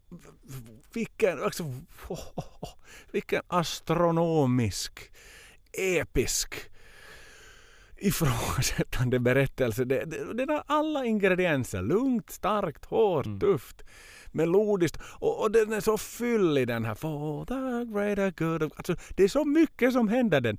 Det är som i ett sånt här, vad heter det, sånt här vävspel. Som sån här, man vevar på gatorna. Som gatumusikanter har man vevat runt en sån där väv. Ja, Ett exakt. positiv heter det väl. Det låter ju som det. Liksom, det är bara det att hur fan lyckas de få in så här mycket grejer och ljud och musik Ja, och toner exakt. i den. Hur kan den... Det, det finns nog inte en refräng som låter lika stor som den här. Alltså den är, den är så upplyst. Och, och liksom... Och så spännande för det är liksom, alla gör lite olika saker. Det herre min Mm. tid på den här. Vilken jävla förmåga Steve besitter alltså. Han måste ju vara en av historiens bästa kompositörer när det kommer till de mera minnesvärda och episka verken alltså. Han, han är vår tids Bach, Mozart och Beethoven. Det är nog bara så. Steve, hatten av till dig alltså. Jesus Christ, fotbollsspelaren från East End. Vilket geni du är! Vilket geni! Wow! Ah. I want to be Steve Harris' daughter, som det här fanet säger i någon film i Japan. Och jag skulle vilja bli Steves son. Jesus Christ alltså. De får vara så stolta över den här låten. De får vara så oerhört stolta över den här låten, Maiden. Och nu vill jag redan publikt gå on the record och kräva att den här ska spelas många gånger på min begravningsdödsfest, Axel. Många gånger. Inte bara en. Två, Många tre gånger. gånger ska ni spela den här. Har du någon idé om sammanhang? Nej, den ska bara komma när man behöver lite, liksom lite, vet du. Det ska bli lite, ja, eftertänksamt. När folk blir Ja, för ja, fulla, då, exakt. då vrider man upp lite volymen på den här så att liksom folk orkar festa ännu lite längre. Så att de går och Mm, tar det där glaset precis. vatten och blir lite eftertänksamma där. Tänker efter Exakt. lite, exakt. Kanske minns dig lite Ja, också. exakt. Exakt. För den Ja. är ju, ah, wow, wow, wow, wow, wow alltså. Oh, ja, ja. ja det, den, är, den är tuff, den är tuff. Och, och Bruce har ju sagt att han, han hade lite tufft med lyricsen i den här. För det är som sagt Steve helt Mm. ensam som har jobbat fram den här låten. Han har väl erkänt till och med att initiellt lät jag lite som Cat Stevens i början av sången. Ja, men det är ju här de har, också i den här dokumentären, så har de ju en liten dispyt på något vis om hur man skriver Mm. låtar, eh, Steve och, eh, och Mm. Bruce. Att Steve ser liksom att melodin är det absolut viktigaste Mhm. och att, att melodin ska vara intakt. Texten ska skrivas för att tjäna melodin Mm. på något vis. Medan Bruce mera ser på det som att texten är det viktigare. Texten ska leda melodin. Exakt. på något vis. Och, och, och- där är det ju en vitt tvärtom, det är ju en tvärtom syn Mm. på det. Och, och, och det är spännande då de krafterna möts liksom och ska samarbeta. Det, Men i det Ja, här samarbetet de har de lyckas ju. lyckats helt sanslöst bra. Och vad roligt att de dammade av den här. Wow alltså. Och just det liksom, vilken, finns det sån kraft i den här live. Den här, och, och den där gitarrdelen som kommer därefter. Ja. Åh, det är så bra. Och just när Ja. den går över i Adrians sol alltså. Jesus. Mm. Ho, ho, ho, ho, ho. Och att, att han har så mycket, hur kan han ha så här mycket i sig av det här? Han, han, hans liksom, Ja. vet du, skafferi av great epic songs, det tar inte slut. Han måste ju få nya Nej, hjärtan och nya allting när han blir för gammal. Så att han kan fortsätta i hundra år till och göra. Mm. För det var inte, inte verkar ju som att hans idéer tar slut inte. Jag kan lova dig. Nej, vi, måste uppfinna, vi måste uppfinna en sån här sak. Ja. Nu, till någon ingenjör där ute. Uppfinna en pryl som ett USB-minne som man kan sticka in i någons huvud och bara som på något vis suga datan Ja. ur det. Så att, och spara de här midi-filerna vi får ur Steves huvud för framtida Jäklar vad det ska ligga mycket sånt i. Alltså han borde ju nu med tanke på att han hade på ålderns höst. Han borde ju bara sitta och vissla dagarna i ända. Det är det enda han må, Och borde bara göra. banda allt. Banda Exakt. allt med sin bas och sitt och Spela in visslande. allt. Och så ger han det liksom Ja. en, ett uh, airlock någonstans. Till något bra band. Som då någon, någon högt uppsatt domare ska få bestämma till vilket band som ska få det. Och då får bli det nya Maiden. Med hjälp av Steve Harris. Och hela backdropen på den konserten är ju bara Steve när han står och skjuter. Det, är liksom, det ska vara logotypen för det bandet. För Exakt. all hail God alltså. Någonstans är det ju så. Christ. Vilken bandledare han The är. legacy of Steve The Harris. legacy of Steve Ja. Harris. Vilken bandledare han är alltså. Det är ju inte sådär att han bara är en boss som grundar ett band. Utan att han liksom... Oj, Jesus.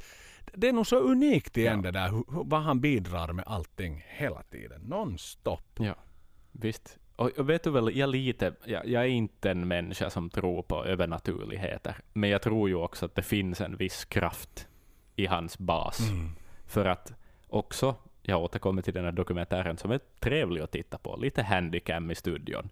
Men, men där konstaterar Steve också, då, då Kevin Shirley kommer och frågar att vad spelar du på för bas? Så konstaterar Steve att men det här är ju den bas som har varit på ungefär alla, liksom, på ungefär alla låtar som någonsin har spelats innan Maiden. Att tror man lite på Pick of Destiny och sådär, så är det ju Base of Destiny han Mm. spelar på. Så, så enkelt Mm. är det ju. Nej, nog det är ju så. Det är ju den. Nej, men det, Mm. det här är liksom wow, wow, wow. Den stora epiken och den... Ho, ho, ho. Inte, inte, vet du, gör den ju en besviken inte.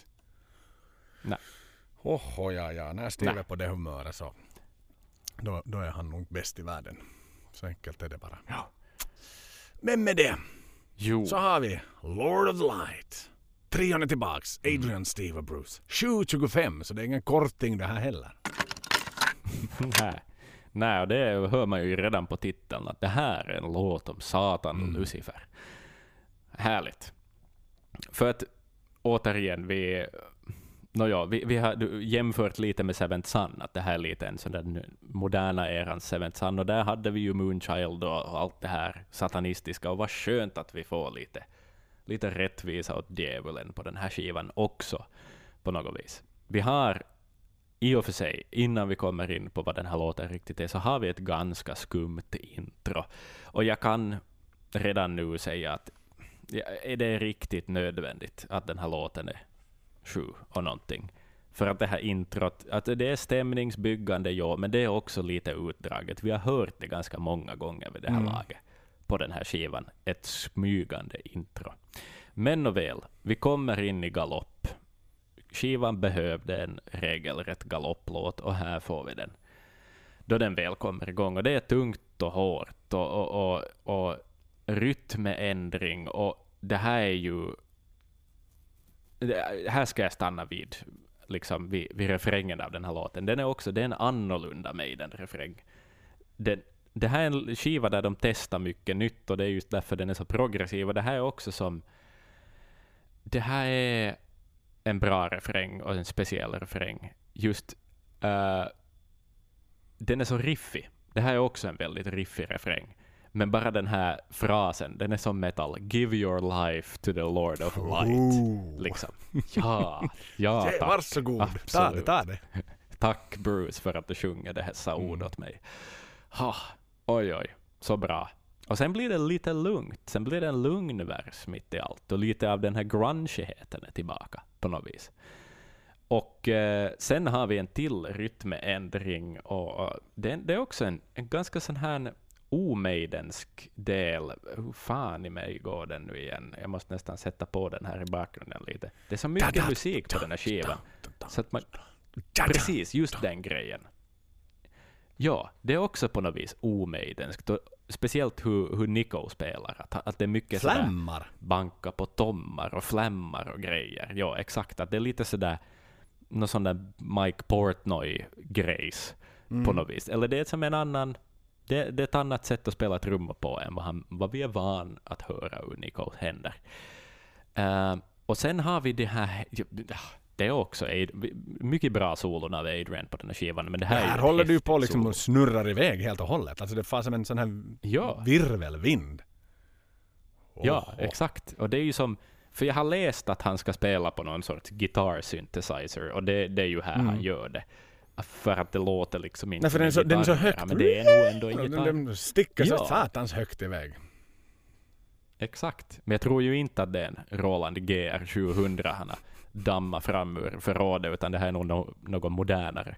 Någon så här pedal mm. eller något sånt. Men det, det är jävla häftigt solo. Det är liksom... Den är så progressiv den här skivan och den bara fortsätter överraska. Det, det är häftigt, måste jag säga. Um, och sen har vi den här nästan lite den här lite trashiga delen som kommer i den här låten också. Um, den efter, efter Adrians solo. Det, vänta, hur fan i mig... Alltså jag, det, jag utgår från anteckningar utan att minnas sakerna mer, för det är så sjukt mycket musik mm. på den här skivan. Men ja, men det, det är en väldigt tung del. Mycket tungt.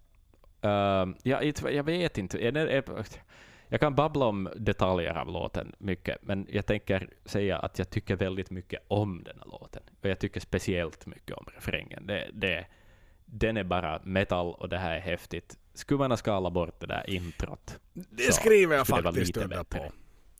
Det är helt onödigt. Den hade kunnat börja med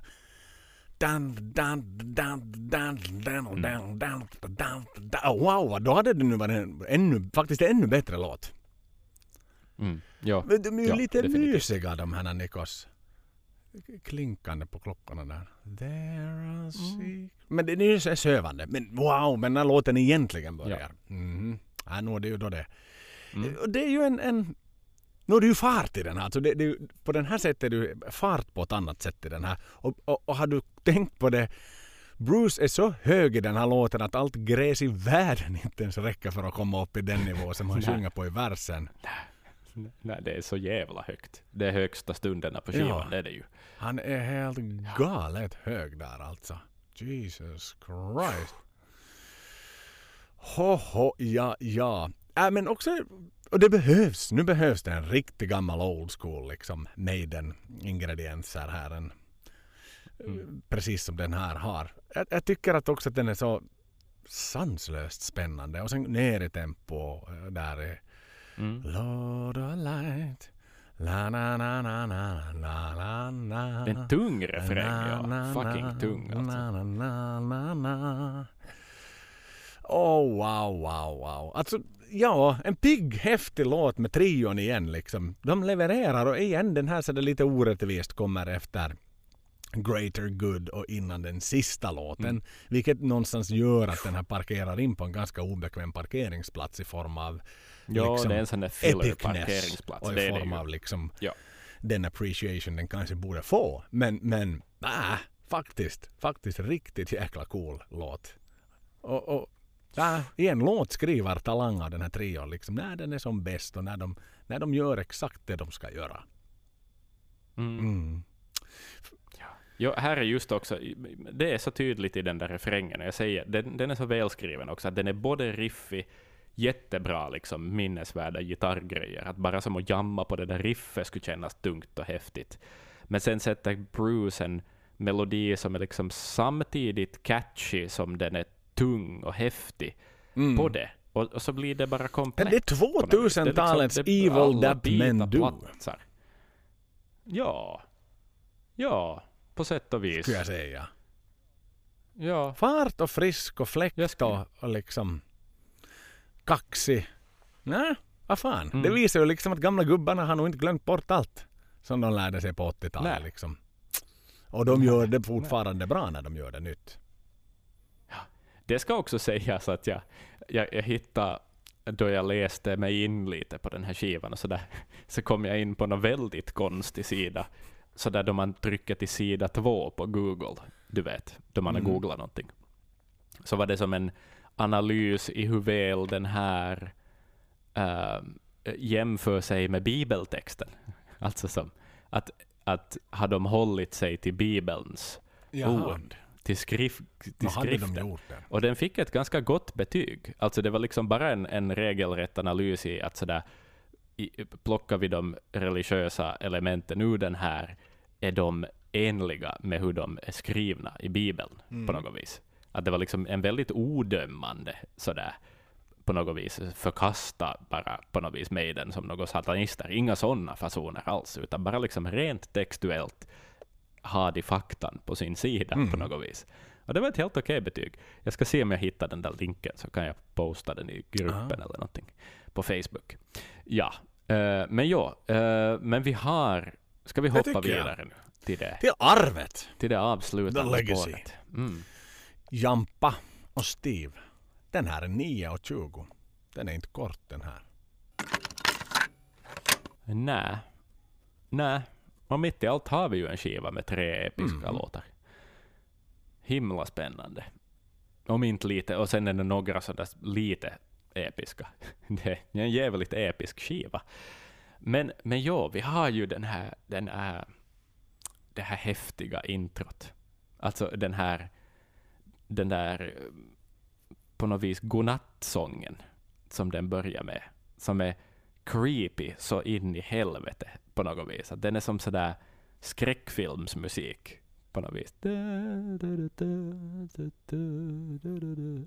Den är, den är häftig och vad jag förstod med Janik var att hans vision med den här låten var att han ville skriva någonting som skulle vara ganska orkestralt på något vis. Lite sådär som en symfoni.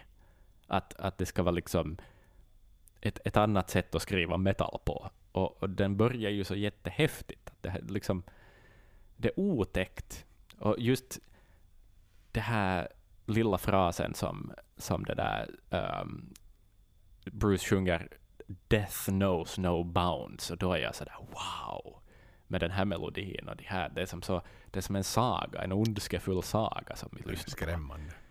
Um, ja, väldigt skrämmande. liksom om du Um, tänker Fear of the Dark som ska vara debattera häxor och folkloristik. Ja, precis. Det, det är ju som en liksom banteckning. Här någonstans är de ju. Nu är de ju inne på Ja. det där riktiga området för Fear of the Dark. Ja, exakt. Precis. Death knows no bounds. Det, det är nice. Det är ett faktum och det är synd, men det är också jättefint då Bruce sjunger det över en konstig Mm. barnmelodi. Och sen har vi det här da, da, da, da, da, da, da, da. väldigt på något vis teatraliskt. Sådär. Ja, här, här visade sig lite det här symfoniska eller orkestrala som, som Janik snackade om. Och det där, det kommer lite fler riff. Här blir jag lite sådär att vi har ändå varit på en väldigt lång färd på, i den Kan här det här skivan. vara Maidens längsta intro liksom- någonsin hittills? Är det till och med längre än Empire of Det the kan det Clouds? nog vara. Det är möjligt. Det är faktiskt möjligt. Ja. Men att här tänker jag lite att det är lite att... Okej, nu nu blir det lite rant-varning här nu. Men jag tar, Mm. Jag tar den nu. Att den här skivan är ju jätteprogressiv och här i den här låten är ett bevis på det, för det är ganska mycket sådär man radar upp delar efter varandra och nya melodier och nytt, mera musik på något vis. Man trycker bitar efter varandra och, och så här. Och det är ju lite det som är kännetecknande för progressiv rock på något sätt.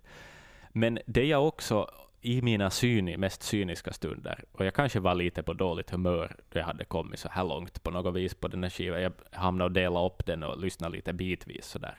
Eh, jag ett, I en episod lyssnade jag igenom hela albumet från början till slut, men det är uppenbart att jag har tagit min feedback sådär på den här låten i någon sorts lite halvirriterad stämning. Men att man kan också argumentera för en progressiv metal på det här sättet. Man kan också fundera att är det också musik som inte är riktigt klar? Alltså just det där att man har valt att behålla alla delar och låter låtarna bli nio minuter långa på något vis. Att, att hade de här bitarna kanske kunnat pusslas ihop ibland på ett bättre sätt? Eller hade man kunnat döda vissa darlings på ett bättre sätt? Hur skulle den här skivan ha kunnat låta om man hade gett den lite mera tid, funderar jag ibland. Sådär. Och hittills har vi ju bara pratat gott om den här skivan, men att den här låten hamnar kanske lite i den här kategorin av progressiv rock, att det är lite uppradande. Visst är den... Jag fattar Janiks vision, men jag kan lite fundera på, fungerar den? Mm. Sådär. Men, men den har ju nog, det var liksom rant-delen av det här. Sen har den här jätte, jättebra innehåll, den här låten, samtidigt. Liksom, det är tungt och hårt och härligt, och Bruce sjunger med en enorm kraft, och det är liksom en fantastisk sångprestation i den här låten. Och, och vi kommer... Det, refrängen också är som en sån där trallig refräng på något vis. Det är lite Dance of Death över den här refrängen på något sätt. Att det är lite sådär, ja, du vet, jockrarna dansar på något vis. Och, och ja, och, och så kom, får vi den här härliga som är lite lost for words-delen. Den här, det här tunga unisona eh, bandarbetet då alla spelar han unisont på något vis. Det, det är väldigt- exakt. Det är något lost Mm. for words över det. Vi kommer dit eh, i ett annat avsnitt. Men, men liksom, och det, jag kan gilla det jättemycket, men jag kan, sen kan jag fundera på hur funkar de, alla dessa bitar ihop? Funkar det där med det där da, da, da, da, Mm. och så vidare? Att, att, att den faller kanske lite på sin egen progressivitet, den här låten. är väl kanske hur jag skulle sammanfatta Mm. Ja, mycket väl sammanfattad. Mycket väl sammanfattad. Men, men vilken utvecklingsresa Maiden ändå är ute på, på den här skivan och här. Mm. De är ju ute on a crusade, on, på ett förändringsprojekt. Mm. Och som du var, eh, skrämmande intro. Mörk mystik. Sent off to war to play little games and on the return.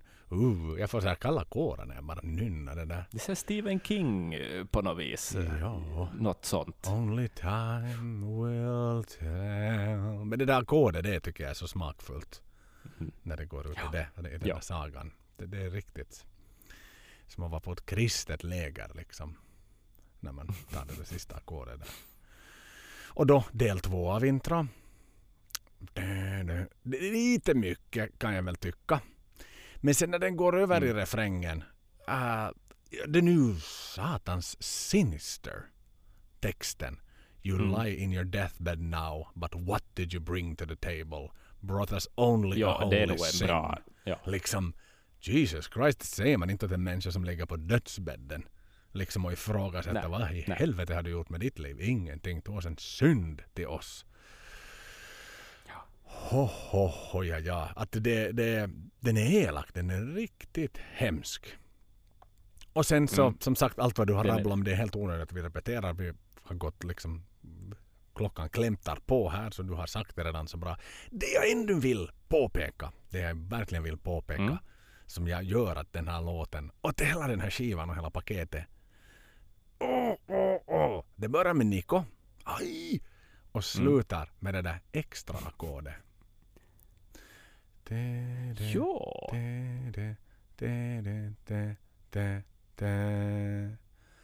Ram. Åh, Japp. vad det är viktigt det där extra sista ackordet. Alltså det är verkligen, det är punkten efter the end. Ja. Det, det är så sakrans snyggt. För igen, liksom, man kan inte kalla det här ett konceptalbum och ingen tycker om att göra det heller Nej. för att det är bara Seventh som är ett konceptalbum. Men någonstans liksom just hur man knyter ihop säcken till allt. är liksom som att du stänger en bok och nu var den färdig. Nu var den Mm. färdigläst. Mm.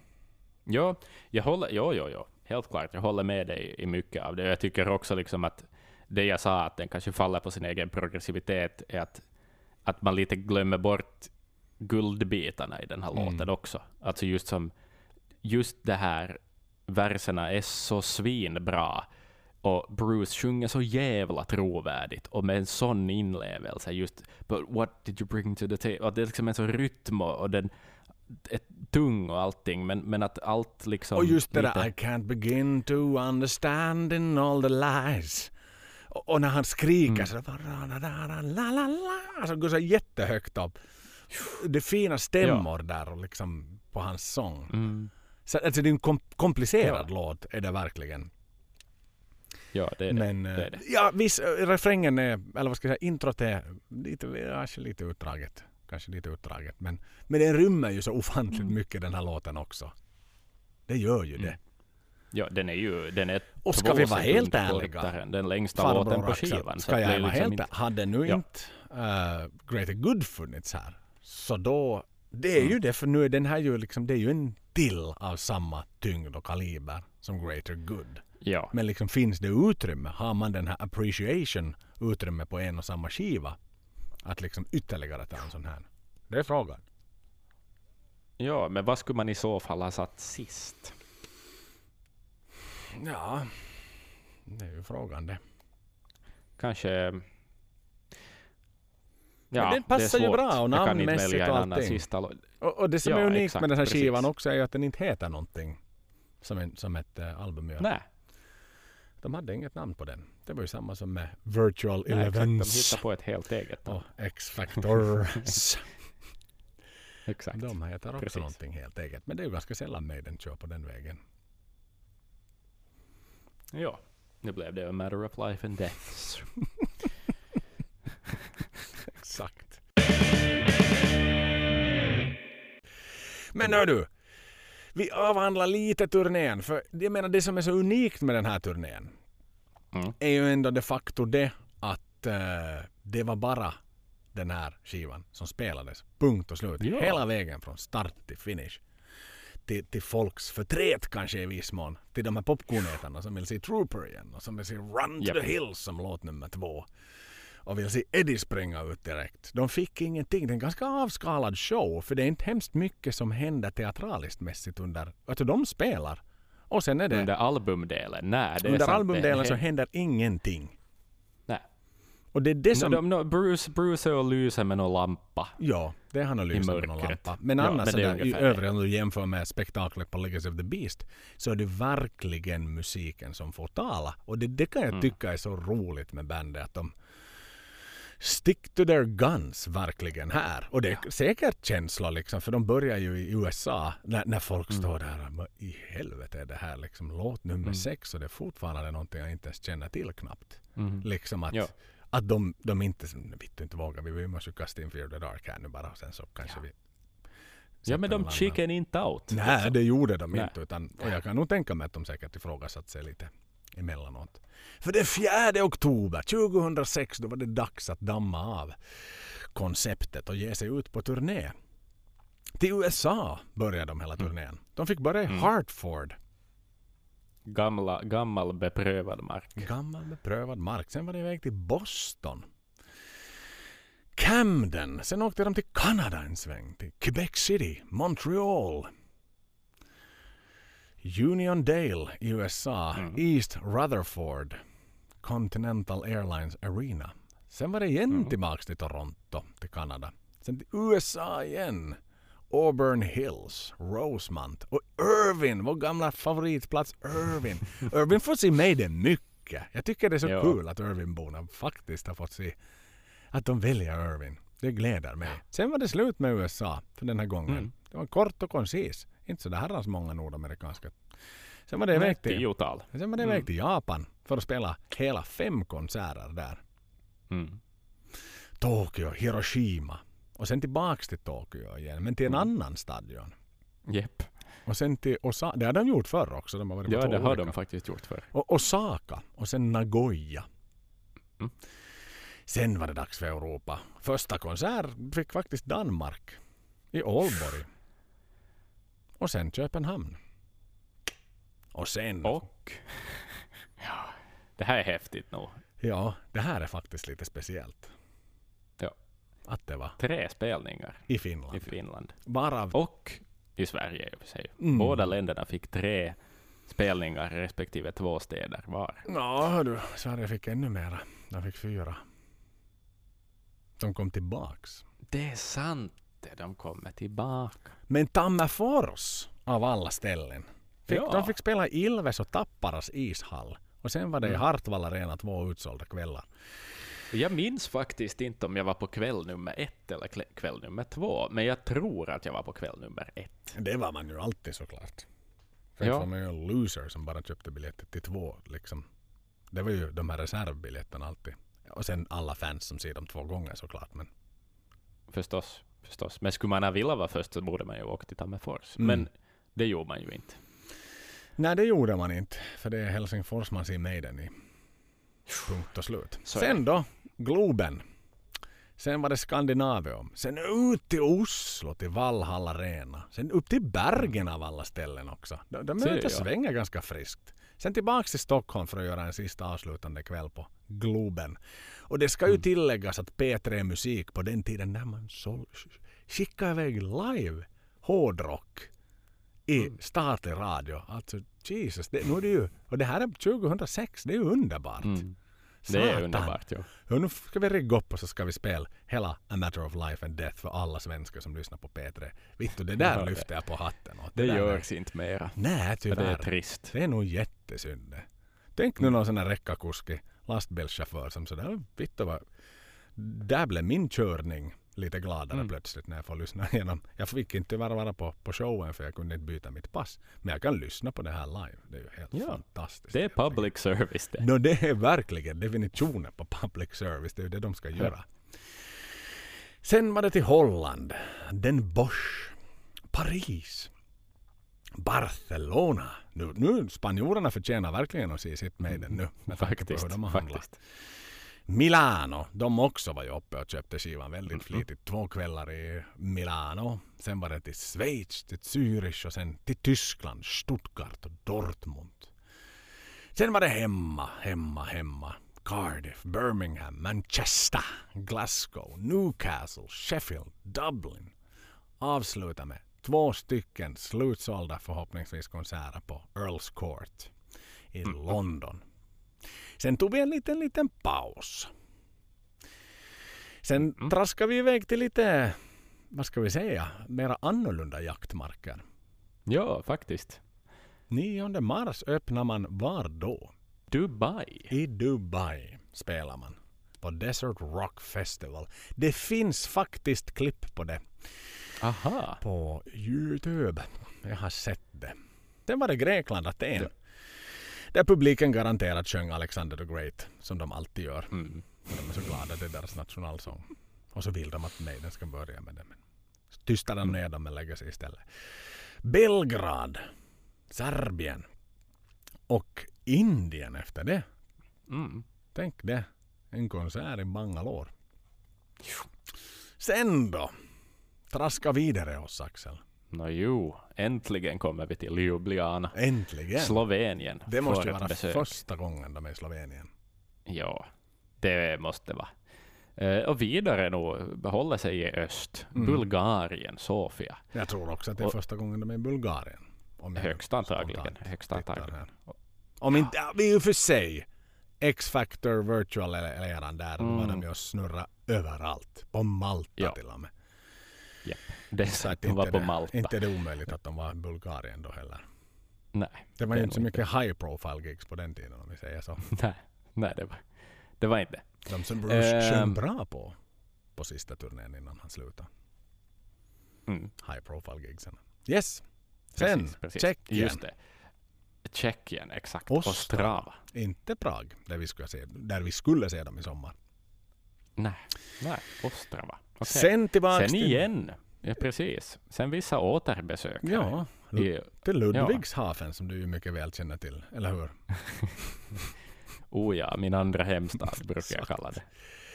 Och sen blir det ju lite festivaler känns det som. Sommaren är här. Och Donington Park. Och det var ju den de visade från nu när de hade det där sitt live-evenemang på sommaren. För det var ju den här, då bytte man ju ut så man drog ju, man drog ju inte hela skivan igenom här utan när det blev liksom det här sommargänget så städade man ganska snabbt av hälften av låtarna Ja, från ja. Amlad och, och började köra lite mera festligt sådär party going music liksom. precis. Så att, men det var den här som visades då som vi satt uppe hela natten allesammans och var så jävla fittiga och så, was this it liksom för det kom en massa Ja. annat shit och sen till slut mitt i natten så kom det från Donington Park då. Just Precis, precis. spelning då som streamades live. Eh, För att det då var inställt Donington Park så det var ju det det handlade om. Sen var det iväg till Venedig till Heineken Jamming Festival. Den skulle bli trevlig att vara på, eller hur? Ja, det låter som en Venedig. superidentitetslös festival. Mm. Ja. Jammin festival. Det säger ingenting om innehållet. Nej, och det är Heineken som sponsorerar så du Exakt. vet att vad du får i öltältet där. Det är inte så svårt. Ja. Du får inga Peronin där precis utan det är nog bara. Heineken. Sen till Holland kan du säga namnet på orten gärna på lokal dialekt. Tack. Oj. Biddinghuisen. Tack. Alldeles felfritt. Düsseldorf då. Tillbaks till Tyskland igen. ISS Dome. Sen var det till Rom. Stadio Olimpico. Fina ställen här. Sen till Spanien igen i Bilbao. Sen var det en festival. En festival jag off- jättegärna skulle besöka faktiskt. Ja, detsamma faktiskt. Ja. Grasspop. Metal Meeting. Det är lär vara. Alltså det är ju lite mera underdog till Vacken. Men jag hade fan Japp. med gärna varit dit. Och var Axel avslutade de hela turnén? Berättade för mig. Nå, givetvis. I London, Brixton Academy. Mm. Mycket fint. Mycket bra. Ganska kort turné. 60 konserter totalt. Ja, ja det var ju också USA-läggen var ju ganska Det var faktiskt ganska litet ja. datum. Om man Ja. tänker efter. Men det var ju en häftig, det var ju nog som, jag minns den med värme och den här skitcoola pansarvagnen. Det var ju det, det bland det häftigaste jag sett Maiden Mm. producera på scen. Ja, ja när den bara rullar upp och han kommer ut med sin kikare. Oj jäklar. Är skitcoolt. alltså. Så jävla häftigt och så oväntat. Ja. De lyckades på något vis, man var sådär, vad är det för stor pjäs de har där bakom? Mm. Jag kunde inte ana vad det var. Nej, nej, Men nej. nej man var så liksom jävla mindblown. häftigt. För det, igen, det här var ju också så här pre att allt laddades upp på Youtube. Det var ju på den Ja. tiden när det fanns någon sån här recorded bootleg som låg djupt inne på något forum som var liksom passwordbelagt och sådär som Kreti och Pleti inte kan komma till. Nej. Så att sådär, nu kan du ju se alla, typ, såklart alla turnéer och exakt allt. Så, så man, det var ju ännu liksom den där spänningen med att man, man visste inte hur stage production såg ut helt och hållet. Utan det fick Nej. man se när man väl såg dem på konserten. Mm, mm. Och sen ska Ja, det ju tilläggas att Lauren Harris var med och svängde lite här ibland också. Till mitt förtret faktiskt. Hon hade ju Ja. inte gett ut någon skiva då ännu, ska det, ska det tilläggas. Det var ju först på följande Somewhere Back in Time World Tour då som hon fick det, det riktiga utrymmet hon då förtjänar. Enligt kanske Precis. vissa tyckare. Men eh, ni vet vad jag tycker om det. Ja, Men hon fick vara med och lufta vingarna liten. Men vad... Trivium eh, vill jag minnas att jag fick se eh, som warm-up Mm, band. så kan det vara. och det var helt okej. Så kan det vara. Så kan det vara. Mm. Men hördu du du. En skiva som har varit extremt stor, extremt krävande, extremt krävande att lyssna på. Ja. Ett mastodontverk. Men tar man sig tiden så, så märker man ju hur bra det är. Eh, det ska erkännas att det här är nog också ett sånt album som jag inte har återkommit hemskt mycket till, alltså utöver att vi nu poddar om det.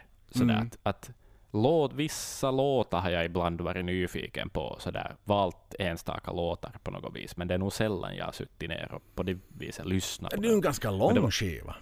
Nästan Det är det. 72 minuter. Ja, men eh, himla kul. Alltså, jag har nog få negativa saker utöver det som jag redan har sagt. Liksom. Mm. Men, men att det, är, det är nog ett starkt album. Det är det. Det. Annat kan man fan inte konstatera. Det är nog helt sanslöst starkt. Men kanske det är väl just det där också att jag också, alltså jag tycker jättemycket om den här skivan men jag drar mig lite för man behöver vara någon typ av mood. Man behöver vara någon typ av... Mm. Det är inte riktigt så att man bara plockar en låt från den här och sätter på en playlist. Nej, Utan- nej, inte heller. Nej. Utan den liksom kräver sitt... Den kräver tid och den kräver verkligen liksom att du ja, lyssnar och, och ger den din tid. För att när du Mm. väl gör det, och då jävlar lyfter taket. Och den är så mörk. Jag menar, Ja, vad jag vill sanslöst mörk. konstatera här och, och än en gång, nu kommer jag tillbaks till, till den hemska episoden om X-Factor. Men, men Mm. när Maiden skriver mörkt, det är ju så här det ska låta. Ja, ja, ja. ja. För det här Ja, är ju en och jag- helt annan nivå av mörkt. Definitivt, ja. Det är mörkt för hela mänskligheten, inte bara i, i liksom Steve Harris sovrum. Nej, Så att det, um, men jag också för att återkoppla till, till vad vi pratade om Sabaton i början. Jag menar, det är ett band som har byggt upp en hel karriär på något vis på att skriva om krig. mm. Men varför gör man det då Maiden har gjort den här skivan på något vis? Att, att det är ju någonstans, alltså det, det är en perfekt metalskiva om krig. Om det finns ett band som vet hur man skriver metal om krig så är det Maiden. Mm. Och, gör man, och då de gör ett tema kring det, så blir det, så blir det det här, och det är vuxet och modigt och, och moget och sunt och nyktert. Liksom. Att det är inte något förhärligande, det är inget romantiserande och, och annat sånt där skit som just Sabaton håller på med och försöka på något vis Glorifiera, marknadsföra exakt. finska vinterkriget.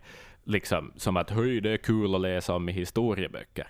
Att, att Maiden gör det med allvar, Sabaton gör det som ett ploj. Och Mm. det är liksom, lägg av. Låt de som vet vad man gör hålla på med det. Jag, jag kan inte, alltså det är ju helt faktum som du säger där och liksom sådär en, en challenge nu, inte vi ut bara för att hitta liksom bråk här men Nej. Men kom tillbaka med en på riktigt jämförbar Sabaton-låt till exempelvis The Longest Day. Liksom, Mm. Du hittar inte det. För det är precis som du säger, det blir liksom hatten, vikingahatten på och sen hoppa på någon häst och så målad med någon satans kamouflage Ja, det är ju liksom, power ser metals kanske ut. stora problem på det viset. Att man liksom, ja, det är ganska lite allvar. Mm. Och väldigt mycket posing och gimmick och på något sätt sådär. Mm. Ja, ja men det är ju Manowar någonstans i ett nötskal. Ja, det blir exakt, liksom bara precis. det. Det blir liksom det blir för bara mycket det. Valhalla och liksom, ja. för mycket simbyxor liksom och, och, och annat sådär. Så, men men det, här, det här är så, så satans mörkt. Det här är så hemskt. Och, och väl berättat. Och I, I ljudbilden och, och liksom i all atmosfär som, som tas fram. Det här är erfarenhet av ett globalt band som förtjänar att vara den största. För när de gör det så är det Ja, men det går inte att ifrågasätta det här. Det, det går inte att skriva en metallåt om krig på ett bättre sätt än vad Maiden har gjort på den här skivan. Så enkelt är det bara. Mm. Och dramatisera det på det sättet. Hoho, ja, ja. Nej, jag är, jag är så nöjd över att vi liksom fick komma till den här skivan till slut. Mm. För det, ja, den, den, den kräver sin stund men, men tusan vil- vilka liksom den har nog inga lows på det sättet. Utan den, är liksom, den har en extremt hög Ja. lägsta nivå hela den här skivan. Jepp, verkligen. Det får man nog lov att säga. Vi har pratat en stund igen men vi har en tendens nu när podden lider mot sitt slut och, och musiken lider mot sitt slut så vill vi verkligen suga på karamellen. Här också så, så här tittar vi liksom stegvis. Skulle vi ha en sån här hockeystick-effekt liksom, så, så blir liksom albumen, de stack, stackars albumen vi pratade tidigt om så är ganska sådär kompakta Ja, i jämförelse. det är de. Vi tar ut svängarna på ett annat sätt men jag tycker vi har tagit all rätt till det. Och det har ju varit en utvecklingsresa hela den här podden för oss naturligtvis också. Vi kanske sådär... Mm. ja, vi känner ju bandet bättre också vid det här Vi har laget. Vi har mer att säga. Exakt. Liksom. Exakt. Vi har Ja. liksom 15... I, I skrivande stund har vi 15 av 16, 16 album i ryggen. Mm. Så bara Mm. en sån sak. Det känns lite vemodat Axel att det här är det näst sista albumet vi gör. Det är det. Det är det. Det var en... Förutom den där jävla nya skivan när den nu kommer. No, men exakt. Då måste vi ju, det måste vi ju förstås. Ja men det är väl självklart. Det är väl- Men, den, Ja. men ni- sådär jag säger bara nu, ni får ju inte avsnittet dagen efter skivan har kommit ut utan den kommer ju att kräva sin stund så att säga. Ja, lyssning och- hela den delen. Men det har varit ett nöje Axel. Som alltid är det ett nöje att språka med den med dig. Och, och även om det har varit mörkt och dystert men musiken har varit sagolik. I- Inte bara bitvis Ja. utan majoritetsvis. Jo. Och än så länge finns vi kvar på Instagram och, och vi finns kvar på Facebook och man kan mejla oss om man så vill och ge den här skivan kärlek. Alltså Jesus Christ, ni kommer inte att hitta en bättre War Pig skiva än fucking den här. Nej. Det är nog bara det jag säger. Och jag säger det när som helst, hur som helst och var som helst och till vem som helst. Ho, ho, ja, ja. Up the motherfucking irons. Puss och kram. Tack ska ni ha.